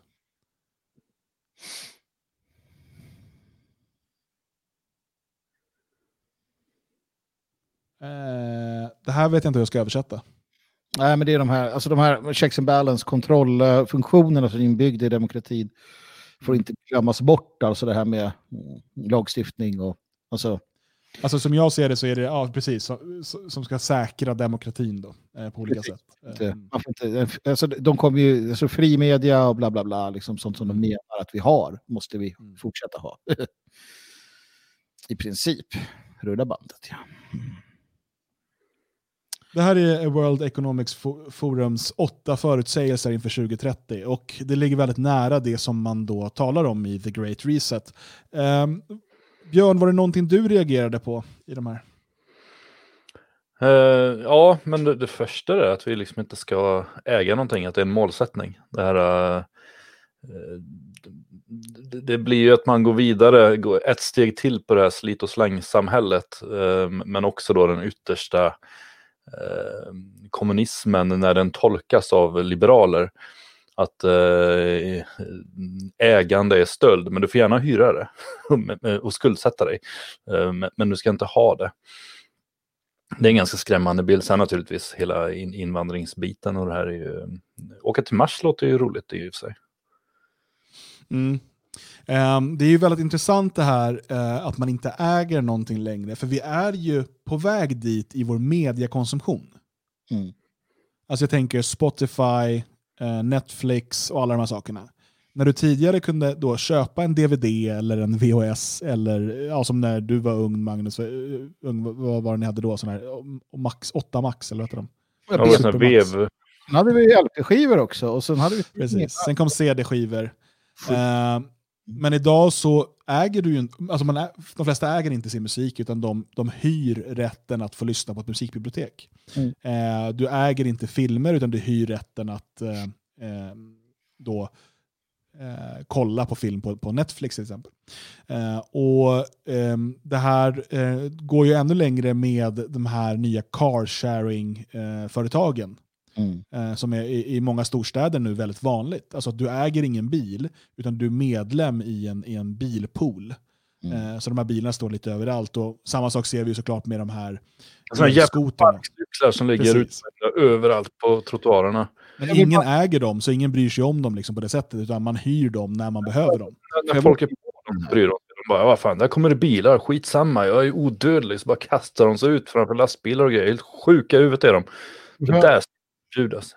Jag vill bara konstatera att det är ju någon som äger de här, annars kan du inte hyra dem av någon. Jo, jo, men det är inte de som använder dem som äger dem. Nej, man får inte äga sina produktionsmedel. Ja, men inte bara det, produktionsmedel, men, men, men, eh, och och det går emot en trend och det är det de visar på här. Och, och det är dit de vill. Där du inte äger några av de här sakerna, eh, utan du, eh, och det är samma sak med böcker. Eh, där fysiska böcker, det är inte bra för miljön, utan då kan man ha ett abonnemang på Kindle eller någonting, så får du tillgång till all världens böcker. Mm. Eh, du har Bookbeat och du har alla de här ljudboks... Som också har då e-böcker och sådär. Då får du tillgång till massa böcker, läs så mycket du vill. För vad bra det vore när människor inte längre fysiskt äger någonting. Eh, för då kan du också kontrollera vem som har tillgång. Alltså, ehm, när, eh, dels så kontrollera, kan du kontrollera kanalerna, alltså där det skickas ut. Och dels så då, ja, men, för det är precis som vi pratar om det kontantlösa samhället. Mm. Eh, när du visar dig vara politiskt obekväm eller någonting annat, så ser man till att, ah, just det, då har inte du längre rätt till eh, att se på film, läsa böcker, lyssna på musik, köra bil, eh, få, få mat levererad. Eftersom att vi har också tagit bort alla kök i folks hem, för att eh, det är ju effektivisering då att det här görs på stora industrikök och så är det liksom asiatiska eh, låglönearbetare som, som kör hem det till dig på, på en hyrd cykel. Um, och, men sen så, nej, men du får inte äta. Eh, och precis som du inte äger dina pengar, alltså du har inte eh, antingen ädelmetaller eller eh, sedlar, alltså fiatpengar, utan du har digitala pengar. Och när de säger nej, du ska inte ha längre, eh, då kan de stänga av dig. Och, och allt det här finns eh, i mindre... Berlin är ett jättebra exempel på det. Man kan bo där utan att ha kök. Du kan köpa billig mat som kommer hemlevererad till dig. Snart kommer Amazon släppa ner pizzan med drönare. Vi är på gång dit. Storstäderna kommer vara här om ett par år till stor del. Samma sak att du kan säkert börja hyra kläder och liksom mycket sånt här. Du ska inte äga någonting.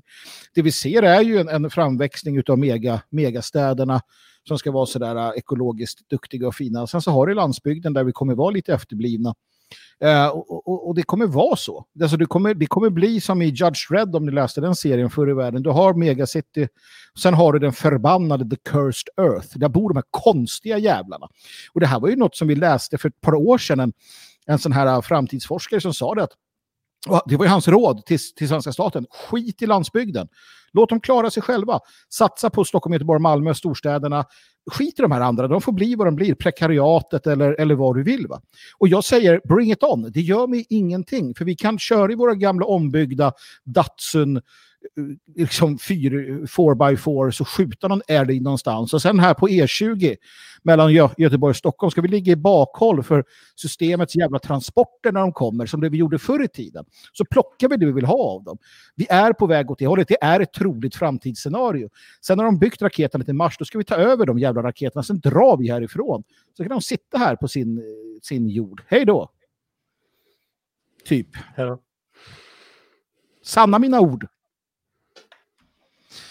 Ja, ehm, nej visst är det så. Och eh, det vi ser nu är ju att de här krafterna som vill se den utvecklingen, eh, de, de gnuggar ju händer. Alltså handgnuggning deluxe under eh, den så kallade coronakrisen. Mm. Eh, för det här är per, ett perfekt tillfälle, som de säger då, att, att, att nollställa ekonomin. För att se till att alla företag går under, eller inte alla, men många företag går under och så vidare. Förutom de stora jättarna som Amazon och så vidare som, som istället gör rekordvinster. Um, men att småföretagarna uh, slås sönder. Um, så att vi, uh, in, alltså allt som på något sätt utgör frihet, vilket företagande på många sätt är. um, allt som utgör frihet, ägande är frihet. Att äga ditt eget hem, att äga din egen bil och så vidare. Eh, är frihet. Att äga din fru, nej. Ja. Ehm, men eh, allt det där ska bort. För att de har en de, de har en vision och den visionen det handlar inte framförallt om att de vill kunna kontrollera människor utan det handlar framförallt om att de tror att det är det rättvisa samhället. För då Mm. kan vi få den, den, den, den optimala fördelningspolitiken genom att vi delar på allt. Det här är ju eh, som flummig hippieteori fast livsfarlig med makt. det du ser här, jag ser det nu när jag läser här, eh, samtidigt, det, det var den här danska eh, parlamentsledamoten då, Ida Auken, från de gröna tror jag, hon säger så här, alltså man, det här har jag skrivit om någonstans, men eh, eh, på den här texten som visas samtidigt som vi pratar då, it sounds utopian until she mentions that her every move is tracked and outside the city live swaths of discontents. Precis det jag sa, utanför hennes, och det här är, det här är ju deras vision, utanför megastäderna, där bor vi andra.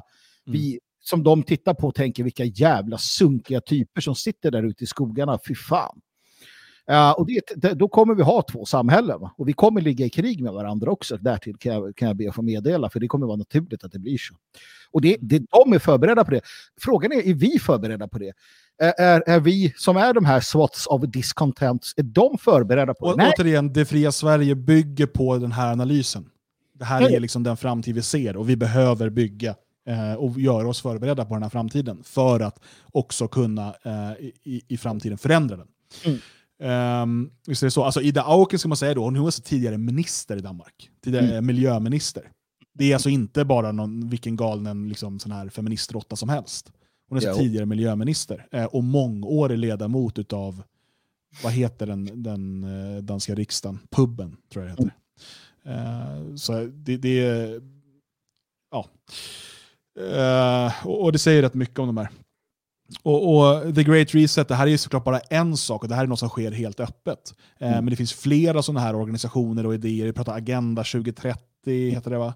Eh, och eh, det, finns en massa idéer. Och notera en sak som de sa här, och det här har jag tjatat om nu i dö, dödagar. Ehm, de så kallade klimatflyktingarna. Ehm, för att låt oss säga att vare sig klimatet förändras så pass mycket och vare sig det är mänsklig påverkan eller inte, eh, att det faktiskt stämmer så som de tror. Mm. Eh, och det här, har de, det här har de pratat om länge. Att fram till 2030 kommer ungefär en miljard människor behöva flytta på sig. Mm. Vad betyder det för Europa? Jag vet inte. Är ni beredda på vad som håller på att hända? Jag tror, jag tror många svenskar, kanske till och med de som, en del som lyssnar på det här, är lovligt naiva inför det som väntar. Vi sind bereit. Nej, men, eh, det är klart att folk inte fattar det här. De fattar inte hälften av någonting egentligen, väldigt många. Och det är ett jätteproblem. Ehm, men men problem, alltså det är så många saker här.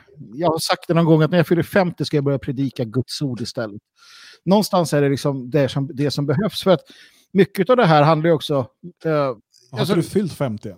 Nej, jag har inte gjort det. Jag är på väg. Okej, Om ja. lite längre ner där, herr producent, så står det om det här att du ska vara eh, home hospital och så liknande. Det här att du ska printa, printa eh, njurar och allt du behöver.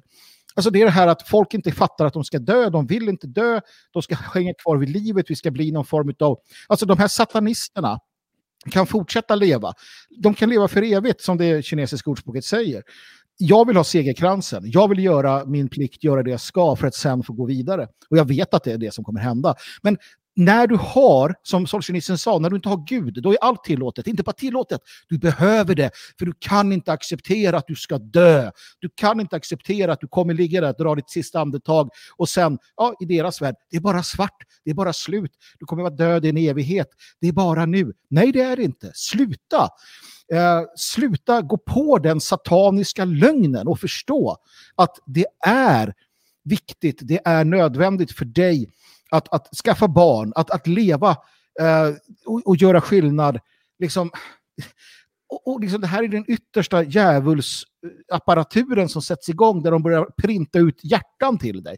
Hur länge ska du leva då? 200 år? 300 år? Som de här, den här filmen med de här två, var det Gold Horn någon till, som, som till sist börjar gå sönder och ramla i bitar. Och de dör inte, ett evigt liv. Fy fan, ett evigt liv på den här planeten med de här härskarna. Då är man ju sinnessjuk. Och det här är ett jätteproblem att vi har tappat tron, vi har tappat förståndet på det sättet. Vi har ingen andlighet kvar. Den måste tillbaka. Mm. Och får, får de eh, igenom sin vilja här, eh, som de talar om, så finns det en annan sak. För att jag såg ett förslag i chatten att eh, landsbygden behöver bara strypa mattillförseln. Ett problem i det är ju att vi redan idag har tekniken, den inte helt förfinad och, och inte på masskala än, att faktiskt i laboratorium framställa kött. Mm. Alltså en typ av 3D-printning av kött om man ska hårdra det. Eh, framtidens mat, eh, jag hoppas jag har fel, men om de här eh, liksom globalisterna får som de vill, eh, framtidens mat kommer skapas i stor utsträckning i laboratorium. Oh ja, och vi har redan, jag läste en artikel härom sistens bara, hur en kille, eh, de, ung vuxen som det kallas, han, han genom så här hydro, hydroodling, alltså odlar du vet med bara vatten och, och eh, på rader. Han, han odlade det hemma i källaren eller vad det var på vinden. Eh, fick ut hur mycket som helst. Han kunde få ut ett par hundra kilo i månaden om han satsade st lite större. Alltså människor kommer ha olika sätt att, att uh, i städerna, de kommer inte behöva landsbygden. I, återigen, läs Judge Dredd för guds skull. Om ni skiter i Bibeln så läs Judge Dredd i alla fall. Du har stora, stora megastäder eh, med stora murar. Och alla utanför murarna kommer vara obskyra typer som man bekrigar. Och om du beter dig illa innanför murarna kommer de kasta ut dig, precis som, som de gjorde en gång i tiden, eh, ur borgen, ur fästningen. Va? Alltså det, det där kommer de jobba bort, absolut. Kommer inte vara beroende av landsbygden inte. Mm. Just det, som Tyko skriver här. Insekterna. det får äta insekter för guds skull. Det finns massor med protein där. Kan äta likmaskarna från de lik som, som ja, vi kommer inte ens ha lik längre för alla ska fan leva för evigt också. Ni är sjuka som tycker om det här. Sjuka människor. Det här är satanism. Jag säger bara det. Mm. Men Okej, okay, vi pratar ju här om som att världen är, är i den ondes våld, världen är upp och ner och så vidare. Låt oss då tala om den här undersökningen från USA. Där man har um, intervjuat uh, ganska många personer, tusentals. Och uh, bland annat då, något som är, det som har fått mest rubriker och det som vi kommer att prata om här, är då att strax över 30 procent av amerikanska kvinnor under 25, mellan 18 och 25, identifierar sig, säger de själva, som antingen homo, bi eller transsexuella. Det har alltså aldrig varit i närheten av sådana här siffror tidigare. När, när den undersökningen gjordes för, jag tror det var tio år sedan, jag har den inte framför mig nu, eh, så var samma siffra på 8 procent. Mm. Så det är inte bara det här att ja, men folk säger att de är lite bisexuella för att det är liksom sådär. Eh, varför? Vad är det som händer här? Eh, är, alltså, Björn! Björn! Varför vill tjejerna inte ha oss längre? Uh, ja, det, det, där är inte mitt fel kan jag tala om. Uh, nej, men det, jag, jag, har inte sett den här undersökningen. Jag, jag har faktiskt bara sett rubriker och bläddrat vidare. Eh, jag skulle nog vilja titta på själva rapporten innan jag känner mig helt övertygad. Alltså vilket urval är det? Vi, vi har ju den här gamla eh, uh, Kinsey-rapporten som uh, släpptes där, där, han alltså gick runt typ på bögklubbar och på fängelser och ställde frågor om deras sexualitet och fick fram uppgiften om att ungefär 6% av alla eh, amerikaner, eller människor då, är eh, homosexuella. Vilket är en uppgift som sedan då har använts sedan dess på den här helt falska rapporten. Så att mm, först skulle man nog vilja se hur är rapporten, alltså var, var finns urvalet? Har de gått runt liksom utanför någon, eh, något universitet som har genusstudier och ställt frågorna? Då är det kanske rent av en lite låg siffra de har kommit fram till. Eh, där bör man nog eh, titta närmare tror jag innan man drar några totala slutsatser om, om Eh, för det. Sen är det också intressant hur man klumpar ihop homo, bi och transsexuella till en grupp. Liksom, eh, eh jag kan tänka mig att, att eh, moderniseringen, populariseringen av eh, bisexualitet hos kvinnor eh, har spelat in. Det, det, finns säkert en ökning, det tror jag, även om jag tvivlar på nivån. men att de då per automatik också skulle vara transsexuella. Ehm, jag är kass på de här begreppen också, jag vet inte exakt vad, vad, vad, transsexuell är faktiskt. Får jag vara ärlig och säga. Om jag får säga en sak så tänker jag att, att det finns ändå en... Nu ska jag ut på lite djupt vatten här, jag tänker jag kan vara bra ibland. Men jag säger så här, jag, jag, jag, jag byter spår lite grann och säger att något vi vet med all önskvärd tydlighet är att psykisk ohälsa ökar enormt bland barn och unga. Uh, lite grann, vad lägger vi i begreppet psykisk ohälsa? Uh, om någon skulle säga att men, låt oss också lägga delar av det här i det begreppet så ser vi att det finns en, en psykisk ohälsa som ökar och då skulle vi kunna räkna in det här. Och varför ökar den? Ja, av flera skäl. Men eh, mår du dåligt, mår du dåligt av olika skäl, eh, framtidstro, eh, eller vad du ser i samhället, eller hur du uppfostras, eller vad det kan vara, och kroppen hamnar i obalans, ja, men då kan det vara lätt kanske att få för sig en massa andra saker. Och där skulle du kunna ha en stor, ett, ett, ett svar på, på frågan också. Jag vet inte. Men, ja, det, ja precis, det, fin det, finns många saker där, men, men om vi håller oss till de sociologiska förklaringarna åtminstone, eh, om vi lämnar bort sådant som hormonsförändringar på grund av eh, plaster och mediciner och allt sånt där. Um, om, vi, om vi lämnar det åt sidan, eh, för jag tror att det också spelar in. Um, så måste man ju också fråga sig, i det moderna dekadenta västerländska samhället, vad har kvinnor för, eh, vad ska man säga, för, för alltså varför ska kvinnor lockas eh, av ett traditionellt äktenskap till exempel? Och kanske också varför ska en man lockas av det? Eh, är det så att de biologiska drivkrafterna som, som vi ofta liksom hänvisar till, att de kanske inte är tillräckligt starka för att bryta igenom eh, de, de socialt skapade strukturerna. Alltså där, vi, vi har tidigare pratat om välfärdsstaten och, och eh, hur den slår sönder äktenskapet genom att Eh, Eh, man kan liksom gifta sig med staten istället för att ha en man som försörjare, vilket också eh, gör att eh, mansrollen eh, blir svårnavigerad.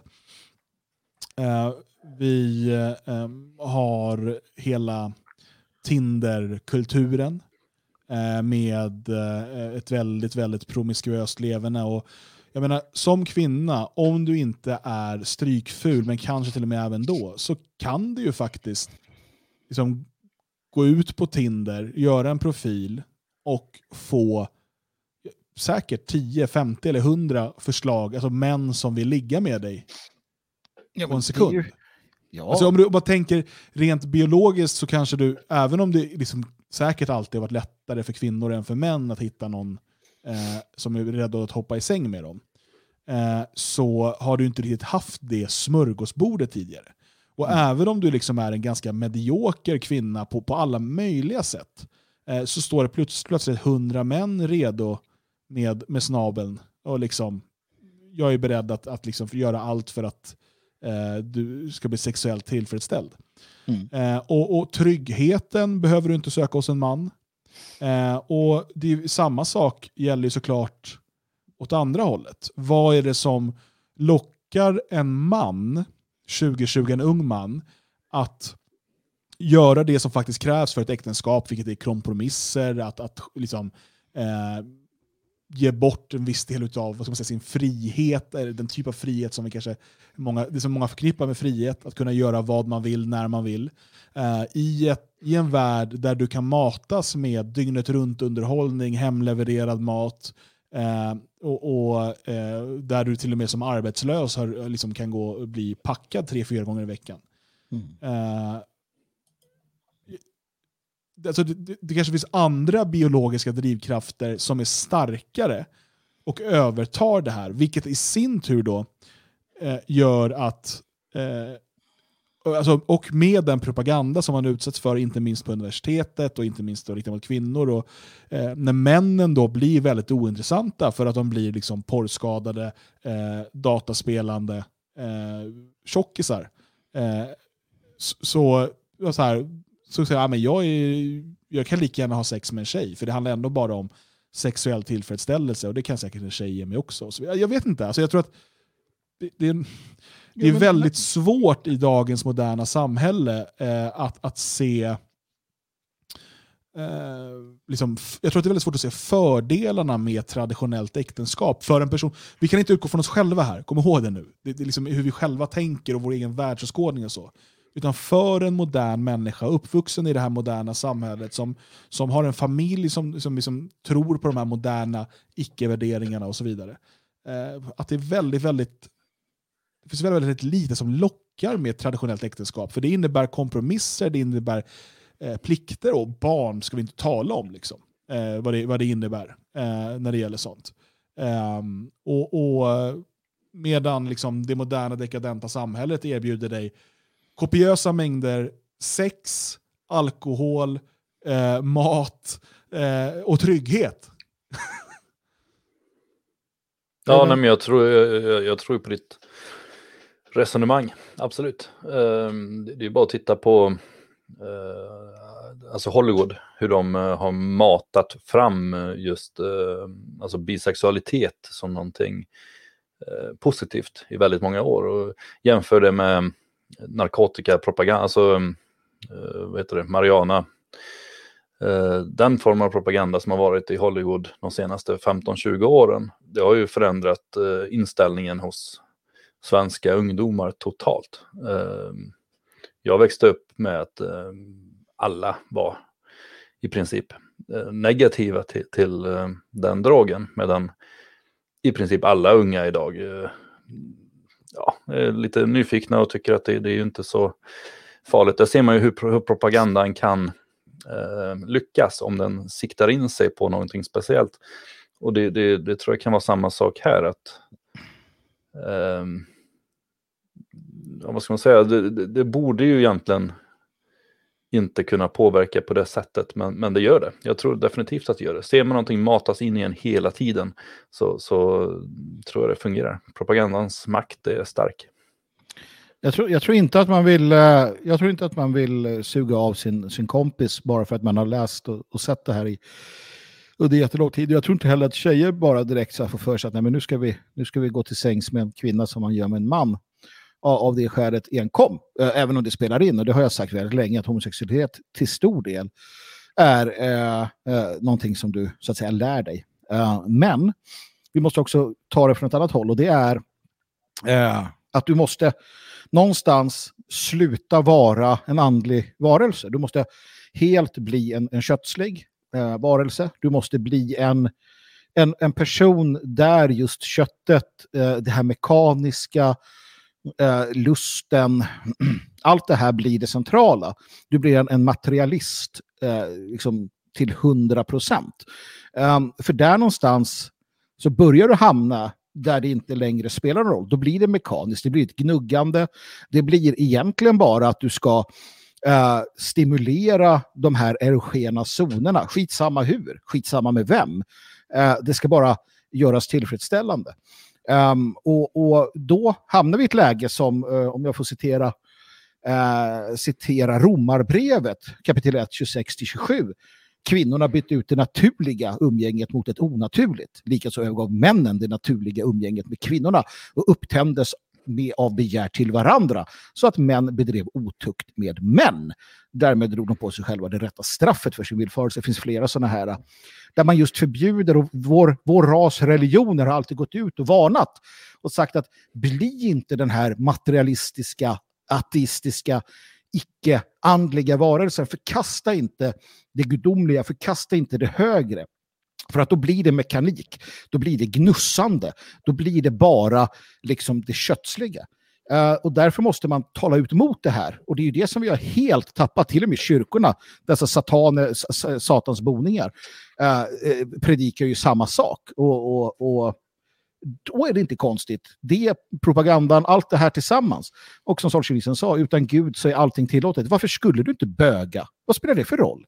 Det är ju skönt. Jo, eh, och, och eh, när du säger utan Gud så måste man ju där eh, också i det lägga in då, så, utan Gud betyder ju också liksom, utan ansvar för någonting, alltså för någon evighet. Ja, ja, absolut. Eh, det, det är därför det kan vara lätt att man fastnar bara vid, eh, och speciellt människor som inte är eh, troende, de, de tror så oh, du menar utan en gubbe på ett moln i himlen. ja, men du vet, vet du det. Så man måste liksom, vad, vad, handlar det om egentligen? Det handlar ju om om du bara lever för dig och för nuet. Vilket mm. också uppmuntras av samhället i, i allra högsta grad.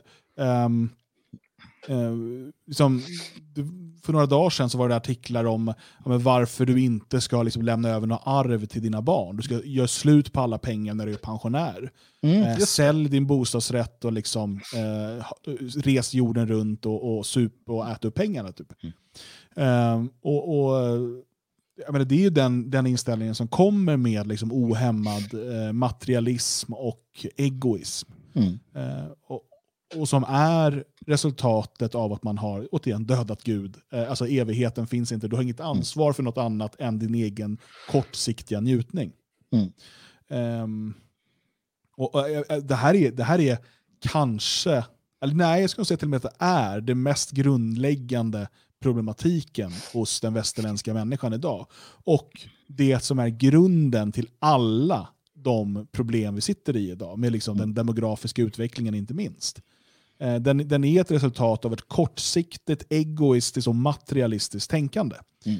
Eh, för alltså, argumentet som, som an, har, har använts och som används för massinvandringen eh, har eh, i stor utsträckning varit att det behövs för att liksom, rädda våra pensioner. Mm. Eh, vilket istället egentligen bara betyder rädda min pension, för man tror att de här ska komma in och arbeta och betala skatt. Så att min pension. Sen att de här människorna också ska ha pension i framtiden, det spelar ingen roll för jag är ju död då, så vad mm. spelar det för roll? Mm. Mm. Eh, det är ett egoistiskt och ett materialistiskt tänkande. Mm. Och, och, och, och, det är där vi är idag. Och eh, det är liksom... Och, och, ja, och därför är tjejer nu lesbiska. Tack! Nej, men du, du, har också, och jag ser att man tar upp det i chatten, vilket är viktigt, som jag sa tidigare, alltså vi går också mot, och jag vet att i nästa nummer av Nationalisten så kommer bland annat eh, Joakim Andersén skriva om det här, alltså vi går också mot ett, ett, ett skifte, alltså un, unga människor, generation Z tror jag den kallas, um, man, man, man kan se, man kan skönja att, eh, att den inte alls kommer vara lika eh, nihilistisk och, och, enligt mig då satanisk. Alltså satans locktoner kommer inte vara lika eh, påfallande där. Man ser i sina föräldrar och äldre generationer, man ser vad det här har gjort med dem. Uh, och förvisso kan det vara en del ungdomsår, Tinder som du säger, fram och tillbaka, swipe hit och dit, och en skörlevnad utan dess like. Vilket kommer bli jättejobbigt för alla alla sådana här killar som säger att de vill ha en tjej som hon för fan inte har gjort någonting när man träffar henne. Det kommer vara problem. För att de här tjejerna som nu lever i skörlevnad, många av dem kommer ändra sig. Eh, allting tyder på det. Alltså forskning, även modern forskning, sociologiska eh, studier och liknande, att det kommer alltid ett sånt här skifte. Och här gäller att oppositionen är, alltså vår opposition, är redo om 10, 15, 20 år. Uh, och, och, om det ska fortsätta som det har gjort nu så kommer vi inte vara det, för det kommer vi vara en massa bittra Eh, Eh, källarvarelser eh, som, som tycker att det var skit och, och, fan allting som inte har lyckats få det de vill ha och så vidare. Eh, och de kommer döma ut vartenda fruntimmer, alternativt varenda kar och sådär. Det gäller att vi, att vi förstår de här sakerna. Och därför får vi tjata om dem helt enkelt. Och framförallt de yngre generationerna måste ju förstå eh, hur det ligger till. Va? Och att, som jag brukar säga, vi har alla skadat gods. Tror du på fullaste allvar att du kan hitta något som inte är skadat gods i Sverige, västerlandet 2020, eller för den delen östlandet eh, 2020, så tror du ärligt talat helt fel. Om du inte råkar ha turen att tillhöra en, en extrem mormonfamilj uh, eller liknande, um, uh, liknande uh, sammanhang. Jag är, inte, jag är inte helt säker på att de är utan synd heller. Det är de absolut inte. Ingen är utan synd, utan den som kastar första stenen. Här har vi en sten. Nej då, men uh, du har bättre förutsättningar om du, om du kommer från, ett samhälle, äh, från en, en, familj där du har upprätthållit uh, västerländsk, traditionell västerländsk moral och etik. Och ärligt talat, uh, jag brukar ju säga det, hedningarna brukar sällan, sällan ge det, men jag säger det att alltså, även om du bor i ett traditionellt svenskt nationalistiskt hedniskt Um, om du växer upp så, med den typen av moral som bland mina hedniska vänner har mycket bättre uh, framtid naturligtvis. Uh, för att det bygger på samma grund. Kanske vi kan förstå någon gång också. Men nu håller jag på att spåra ur fullständigt med mina religiösa blabberier. Det får jag ta när jag börjar predika. 50 år gammal kommer det. Nu ska vi öppna Svenskarnas kyrka. Ja, det ska vi. Ja, det ska vi faktiskt. Ja. ja. När, när fyller du 50? Det är, vad är det, åtta år va? Nej, jag vet inte. Du, jag trodde du hade fyllt 50 för typ 10 år jag är, 40, jag är 43 tror jag, så det, då blir det sju år va? Ja. Född 43. ja, Björn, har du något du vill tillägga i det här? Uh, nej, det, det, har jag väl inte. Det, um, det, det är skit är det. jag vet inte. Nej men vad fan, jag, jag, tror väl, eh, vi var inne på det från början där och Dan sa att uh, han tror att det kan bero på plaster och sånt också och därför skulle vi inte prata om det.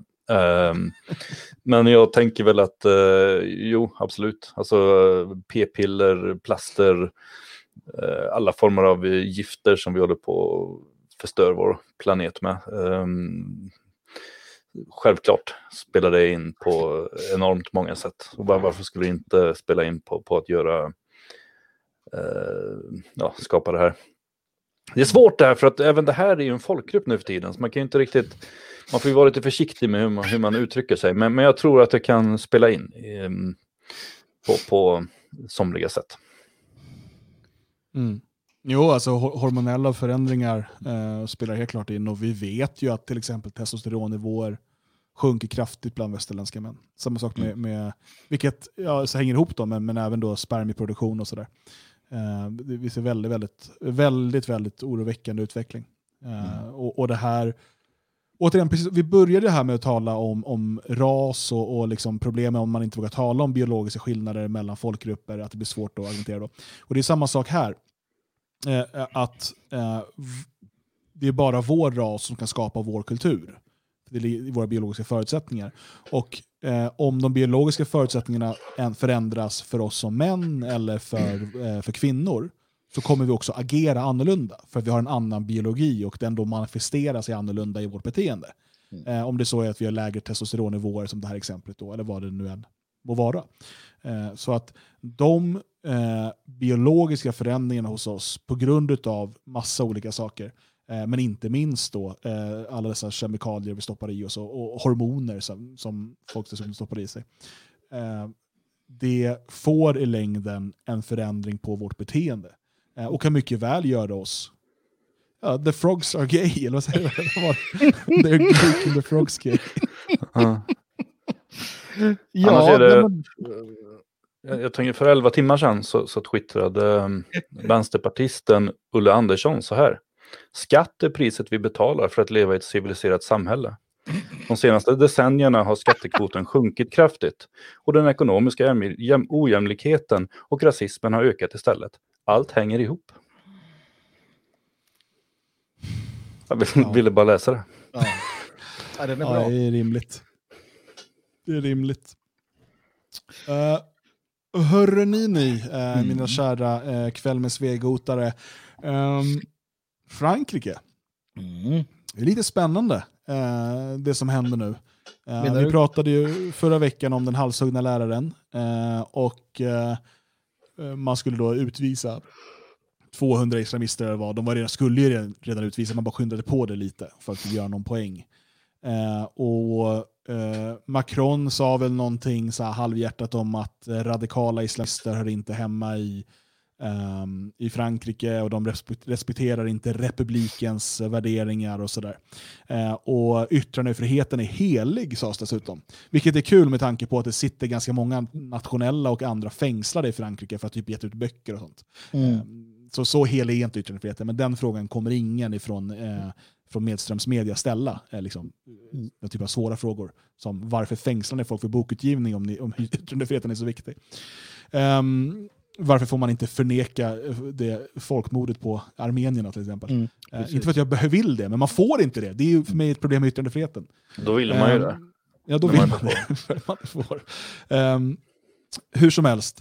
Eh, Erdogan blev eh, väldigt, väldigt arg på, eh, på, på Macron och tyckte att han behövde ett psyktest. Eh, Frankrike kallar hem sin eh, ambassadör från Turkiet. Eh, ett par arabländer, eh, liksom där, där pågår bojkotter mot franska varor. Eh, och eh, Jag såg ett intressant klipp här när eh, muslimer i Frankrike håller på och ber på gatan, eh, vilket de ju ofta gör som en maktdemonstration. Och en massa eh, fransmän och fransyskor, alltså inte eh, styckdetaljen utan eh, franska kvinnor, eh, ställde sig och sjöng Marseljäsen eh, och överröstade eh, eh, muhammedanerna. Mm. Eh, händer det något i Frankrike eller är det bara ett skådespel återigen? händer i hela Europa. Uh, och, och vi går mot väldigt intressanta tider. Jag börjar mer och mer titta på det här. Vi har ju det som händer i Armenien, Azerbajdzjan och Nagorno-Karabach. Uh, Mm. tittar man på en karta så är det ganska tydligt vad, vad Turkiet är ute efter. De vill ha ett helt, en hel eh, lång turkisk nation. De har ju sin idé om sitt eh, Eretz Turkiet istället för Eretz Israel och så vidare. Um, så att där finns det å ena sidan då maktanspråk eh, österut, men eh, Turkiet har också maktanspråk västerut, i, in i Europa. De vill ha ett kalifat och så vidare och han vill vara sin sultan och han har egna, alltså i princip en egen eh, religion, religiositet också, en, en muslim för turkar där han själv är någon form av, alltså Erdogan då. Eh, alltså, det är massa tokiga saker som händer här och nu, nu Alltså saken är att det är mycket möjligt att vi kommer få se konflikter, eller vi börjar ju se det nu, mellan det här liberala EU-väst eh, och eh, det mer aggressiva Turkiet och ett, ett, eh, en, en, en Mellanöstern som, som hittar sina liksom, muslimska idéer. Och, och problemet ligger i att vi har väldigt många av dem inom våra gränser. Va? Eh, ett vidare problem där är att det liberala väst inte har det som krävs för att stå emot detta. Så att det som kanske händer då är att vi får se någon form av, eh, någon form av, av eh, oro vid gränserna. Vi har ju sett hur Turkiet prövade mot Grekland. Nu har, vi, nu har det hänt saker på Cypern, är det det? Eller där delade, är det Cypern som är delat? Ja, det är det va? Mm. Ja. Där, där en, en, en, en hardcore turk har, en riktig turk vet du, har vunnit valet. Och, och det blir, nu, Turk är- burk en turk på burk. Nu är det slut på allt, allt gullande med, med grekcyprioterna. Um, så att det händer saker där. Och, och det som då kommer ske är att man försöker fortsätta trycka mot gränserna. Uh, vi kommer få se hur man kanske då uh, släpper lös. Alltså skulle Erdogan beordra sina slipers, för han har sådana i Europa, eh, att, att nu är det krig mot Europa. Eh, då kommer det smälla ordentligt. Och då kommer den liberala demokratin i, i EU, alltså EU kommer inte förstå vad de ska ta sig till. För det är inte det, de är rädda för högerextrema terrorister och sådär. Eh, och så kommer det dröja ett tag eh, med en massa våld och elände uppror. Och sen kommer man börja återigen knacka på den nationalistiska axeln. Eh, framförallt de konservativa som aldrig klarar av att göra något själva. Och säga hallå där kan inte ni hjälpa oss? Och så kommer vi träda fram. Eller våra barnbarn, det här kan vara om 50-100 år också för den delen. Eh, och sen så kommer det bli lite ordning på, på eh, kontinenten. Eh, ungefär så ser det ut fram, framöver. Då. Säger du Björn? Mm, ja, jag hängde inte helt med i vad Magnus sa. Inte för att det var obegripligt säkert, utan för att eh, det krånglade i mina lurar. Så att det lät eh, väldigt... Nej, nej, det är bara att han är gammal, det blir skrovlig röst sådär. Och det... Ja. Är det så det funkar? Um, ja, nej, men det låter som en uh, bra framtid. Inte i det korta loppet, men i det långa loppet. Mm. Um, nej, det jag tänkte på när jag, när jag läste den här artikeln om uh, att uh, flera länder börjar bojkotta Frankrike, man plockar undan matvaror och sånt där. Eh, jag, jag, tycker det, det, är ganska intressant hur för, för, att anledningen till att folk håller på att rita de här Muhammed-teckningarna och visar upp dem och sånt där, förutom att ehm, ha, ha, någon, ja, för, för, att berätta att andra tidigare har ritat dem, som den här läraren gjorde, och tala om yttrandefrihet, det, är ju egentligen för att provocera importerade muslimer för att uh, visa dem att uh, det här gäller, vi har rätt att göra så här. Ingen hade ju hållit på och ritat Muhammed massa bilder och grejer om, om det inte fanns massa muslimer här. Mm. Utan det här är ju, det här är ju en inrikeskonflikt eh, helt och hållet som, som handlar om att vi har tagit emot väldigt många främlingar och eh, nu börjar folk tycka att det är lite obehagligt när man inte får leva sitt liberala liv fullt ut. Och eh, då ska man provocera dem och det gör man genom att rita en rolig teckning som man vet att det här kommer de bli skitarga på.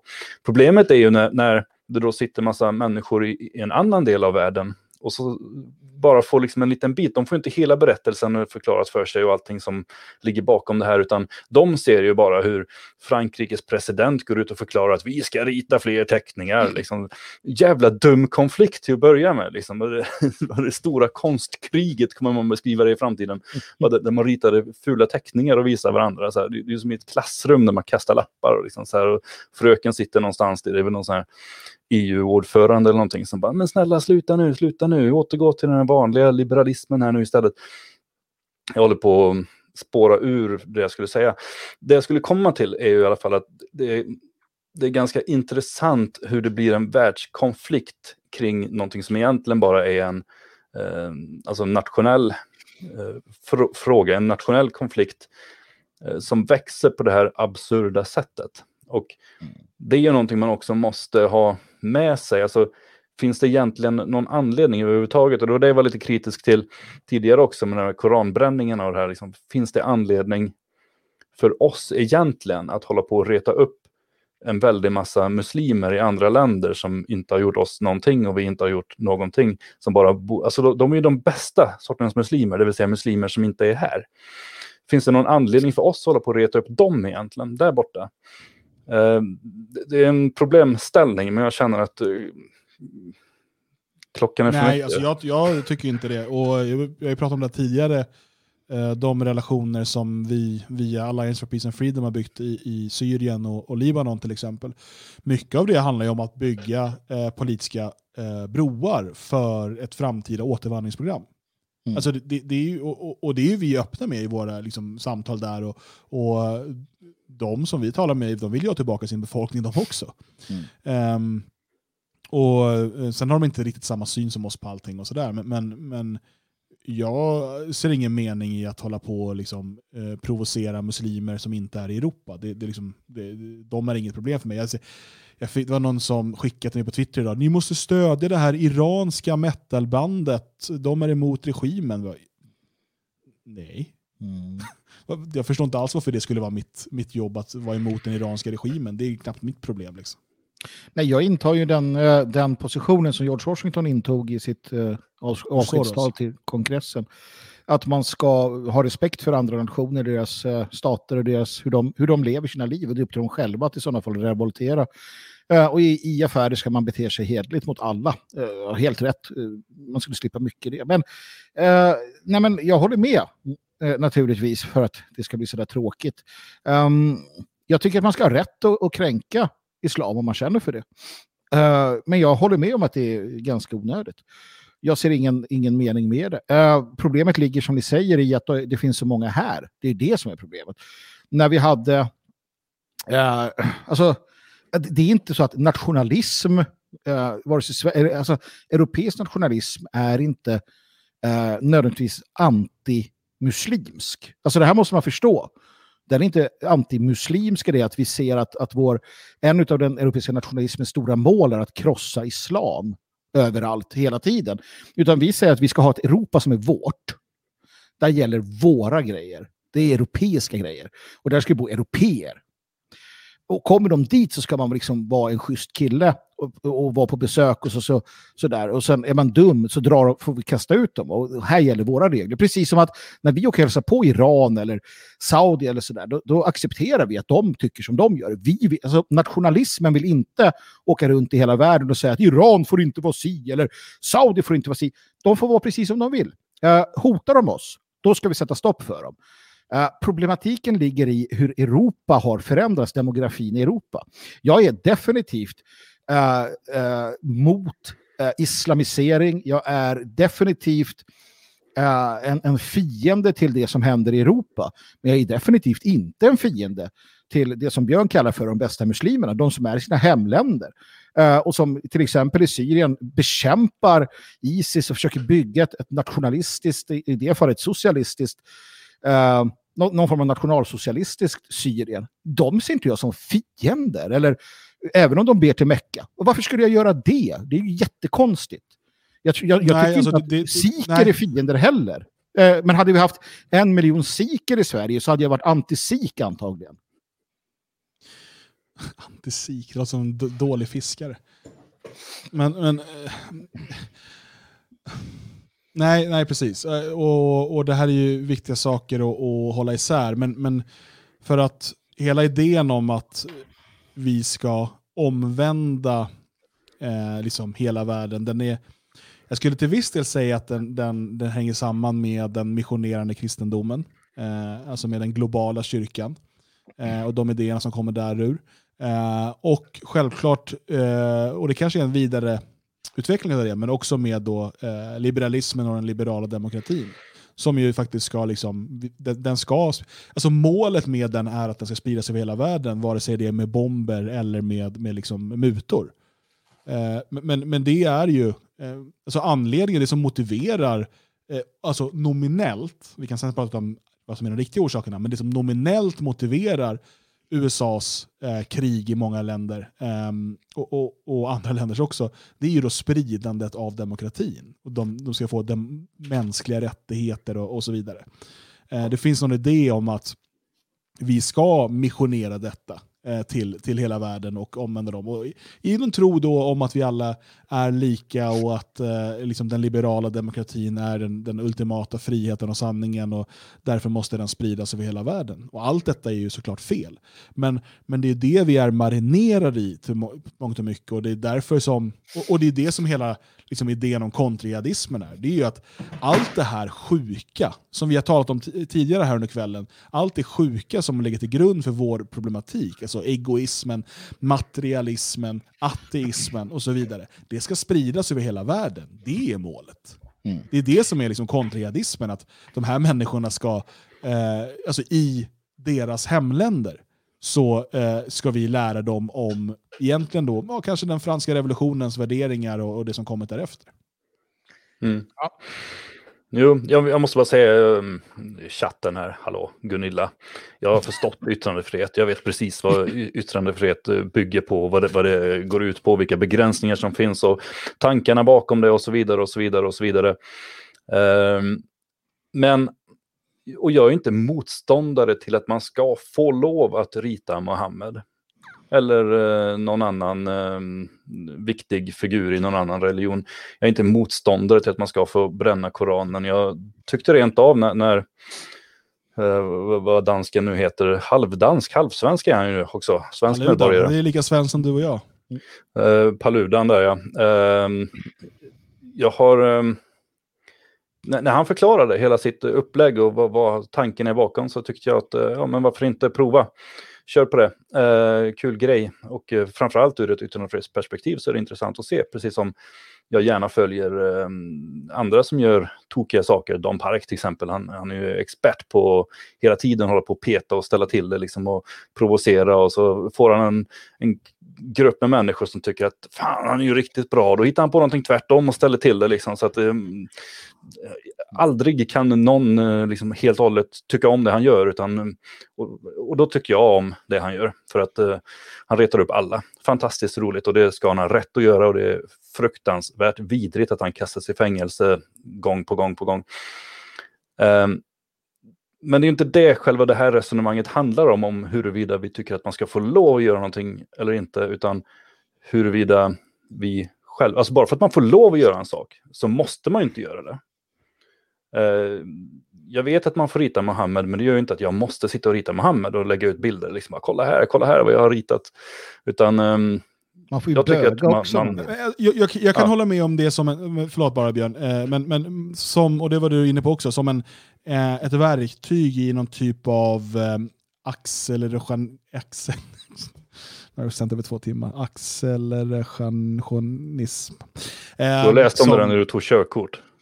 Ja, precis. Acceleration. Man gasar. Man, alltså ett verk, när vi ska börja gasa, helt enkelt. Eh, och eh, nej, alltså för att på något sätt då visa eh, muslimernas rätta ansikten, de som är i Europa. Du vet. Alltså, och, och jag är helt för liksom, ökad polarisering mellan svenskar och icke-svenskar i Sverige. Eh, och det där skyndar på den processen. Problemet är att svenskarna är alldeles för långsamma. Men, men eh, jag menar, det är det. Men vi pratar ju här om, vi har inget behov av att provocera muslimer i Damaskus. Nej. det som är, och det som är viktigt att, att, att, att få ut till många, fler av er lyssnare, det är kul att ni lyssnar och sådär. Och, och ni som inte har gjort det så många gånger kanske inte fattar vad vi håller på med. Ni kanske tror att det här ska vara ett program där vi liksom tillfredsställer era behov av att få så här skrika om elaka muslimer eller vad det nu kan tänkas vara. Vissa, det, för vissa är det judar, för andra är det muslimer och för en tredje kan det vara gud vet vad. Va? Och siker eh, ja, siker och sådär. Alltså att, att det ska vara något sådär. Det, det är det inte.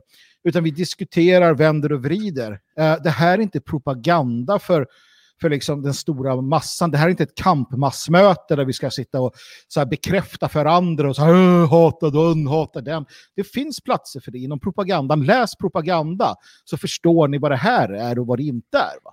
Och, och, och tror ni, eller har ni problem med det, så ska ni stänga av. Jag, brukar upp, jag ska börja uppmuntra det varje program. Ska jag uppmuntra Alltså, folk att vi stänga kommer av. bara färre och färre lyssnare. För det enda, Men- din slutsats i varje program är att våra lyssnare och tittare Nej, nej, slutar bara, lyssna bara på vissa. Nej, men om man tycker att det är jobbigt och man inte vill liksom, förstå vidden av vad vi håller på med. Eh, om man inte förstår att vi till och med ibland intar helt andra positioner än vi själva tror på för samtalet. För att ha ett, en fördjupning av det som händer och sker. Då, då, måste man nog göra något annat för då blir det svårt helt enkelt. Eh, och det förstår jag. Det var ju som när jag sa en gång att jag var county-jihadist. Herregud vad folk blev arga på mig. Förutom county-jihadisterna. De blev glada. Alltså, vi... vi Sen blir de eh, arga när du förklarar vad du menar. Ja, precis. Nej, men vi, vi tar väldigt kontroversiella ställningstaganden när vi behöver och när vi känner att vi står för det och så vidare. Och att, som du säger Dan, det är självklart så att, att eh, muslimerna i Damaskus eh, för tillfället inte är ett större problem. Skulle de bli det, Um, som vi hade invasioner uh, i Europa, alltså Wiens portar eller Lepanto, ja, då, kommer vi, då kommer vi naturligtvis sätta, sätta dem på plats. Men vi har ju också haft tider då det inte har varit så.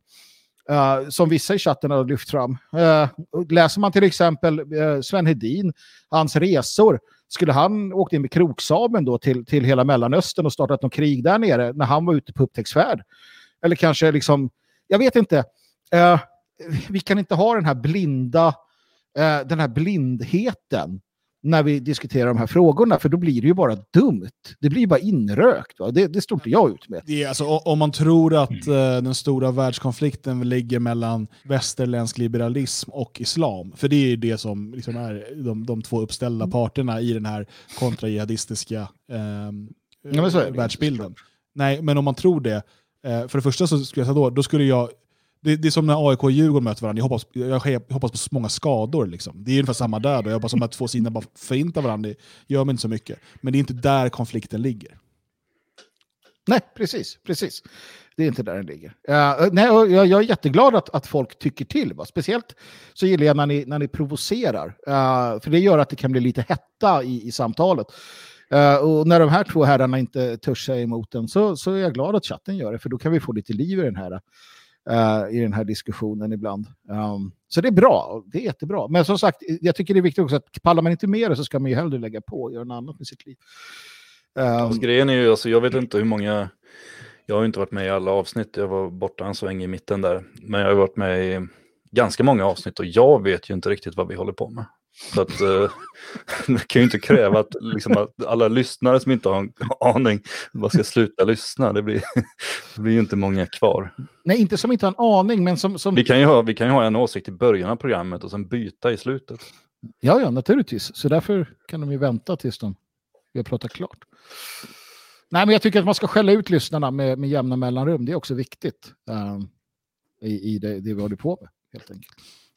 Det är som, det är som varje förhållande mår bra av att man liksom får ur sig lite ilska och skäller på varandra ibland. Ja, ja absolut. absolut. Det är viktigt.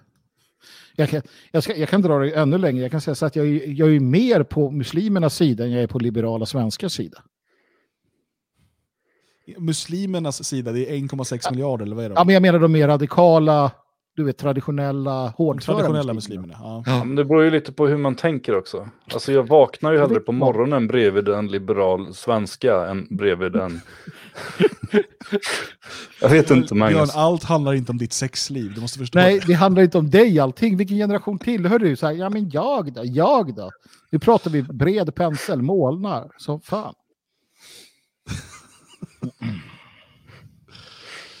Okej. Klockan är 22.10. Vi måste bjuda in Mohammed Omar. ja, ska vi bjuda in Mohammed Omar? Heter inte han Eddie nu? Heter han Eddie Han bytte tillbaka, eller han heter väl båda, man kallar sig väl Mohammed igen. När, när Sven Hedin blev rånad av muselmaner, eh, kanske var i Damaskus, eh, de krävde honom på tull, de här med kroksablar.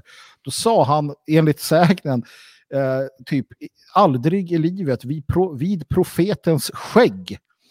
Uh, och, och, så liksom bjöd han upp till någon form av så här äldre form av boxning. Jag tycker att det här vid profetens skägg bör användas oftare. Uh, speciellt i, i, i uh, de, om man hamnar i delo med muselmaner så ska man alltid skrika vid profetens skägg, ni har fel. Ja, jag, jag, tänker klockan är tio över tio och vi borde avrunda det här för att jag känner att vi börjar gå i, i cirklar.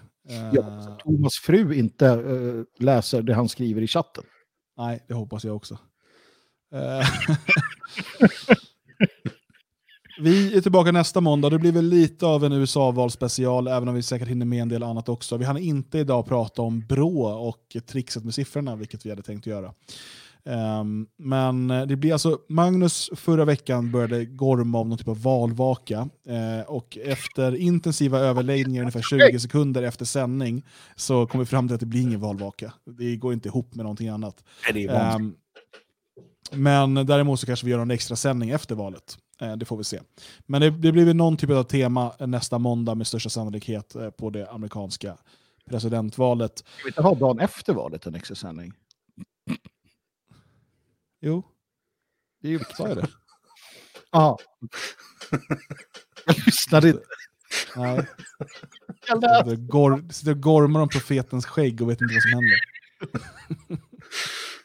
Mm. Um, men eh, eh, glöm inte bort eh, svegot.se, teckna en prenumeration på Svegot Plus. Eh, senast idag kom det upp en ny pluspodd och det eh, kommer upp poddar där hela tiden eh, där vi går djupare in på specifika ämnen. Svegot.se, teckna en prenumeration.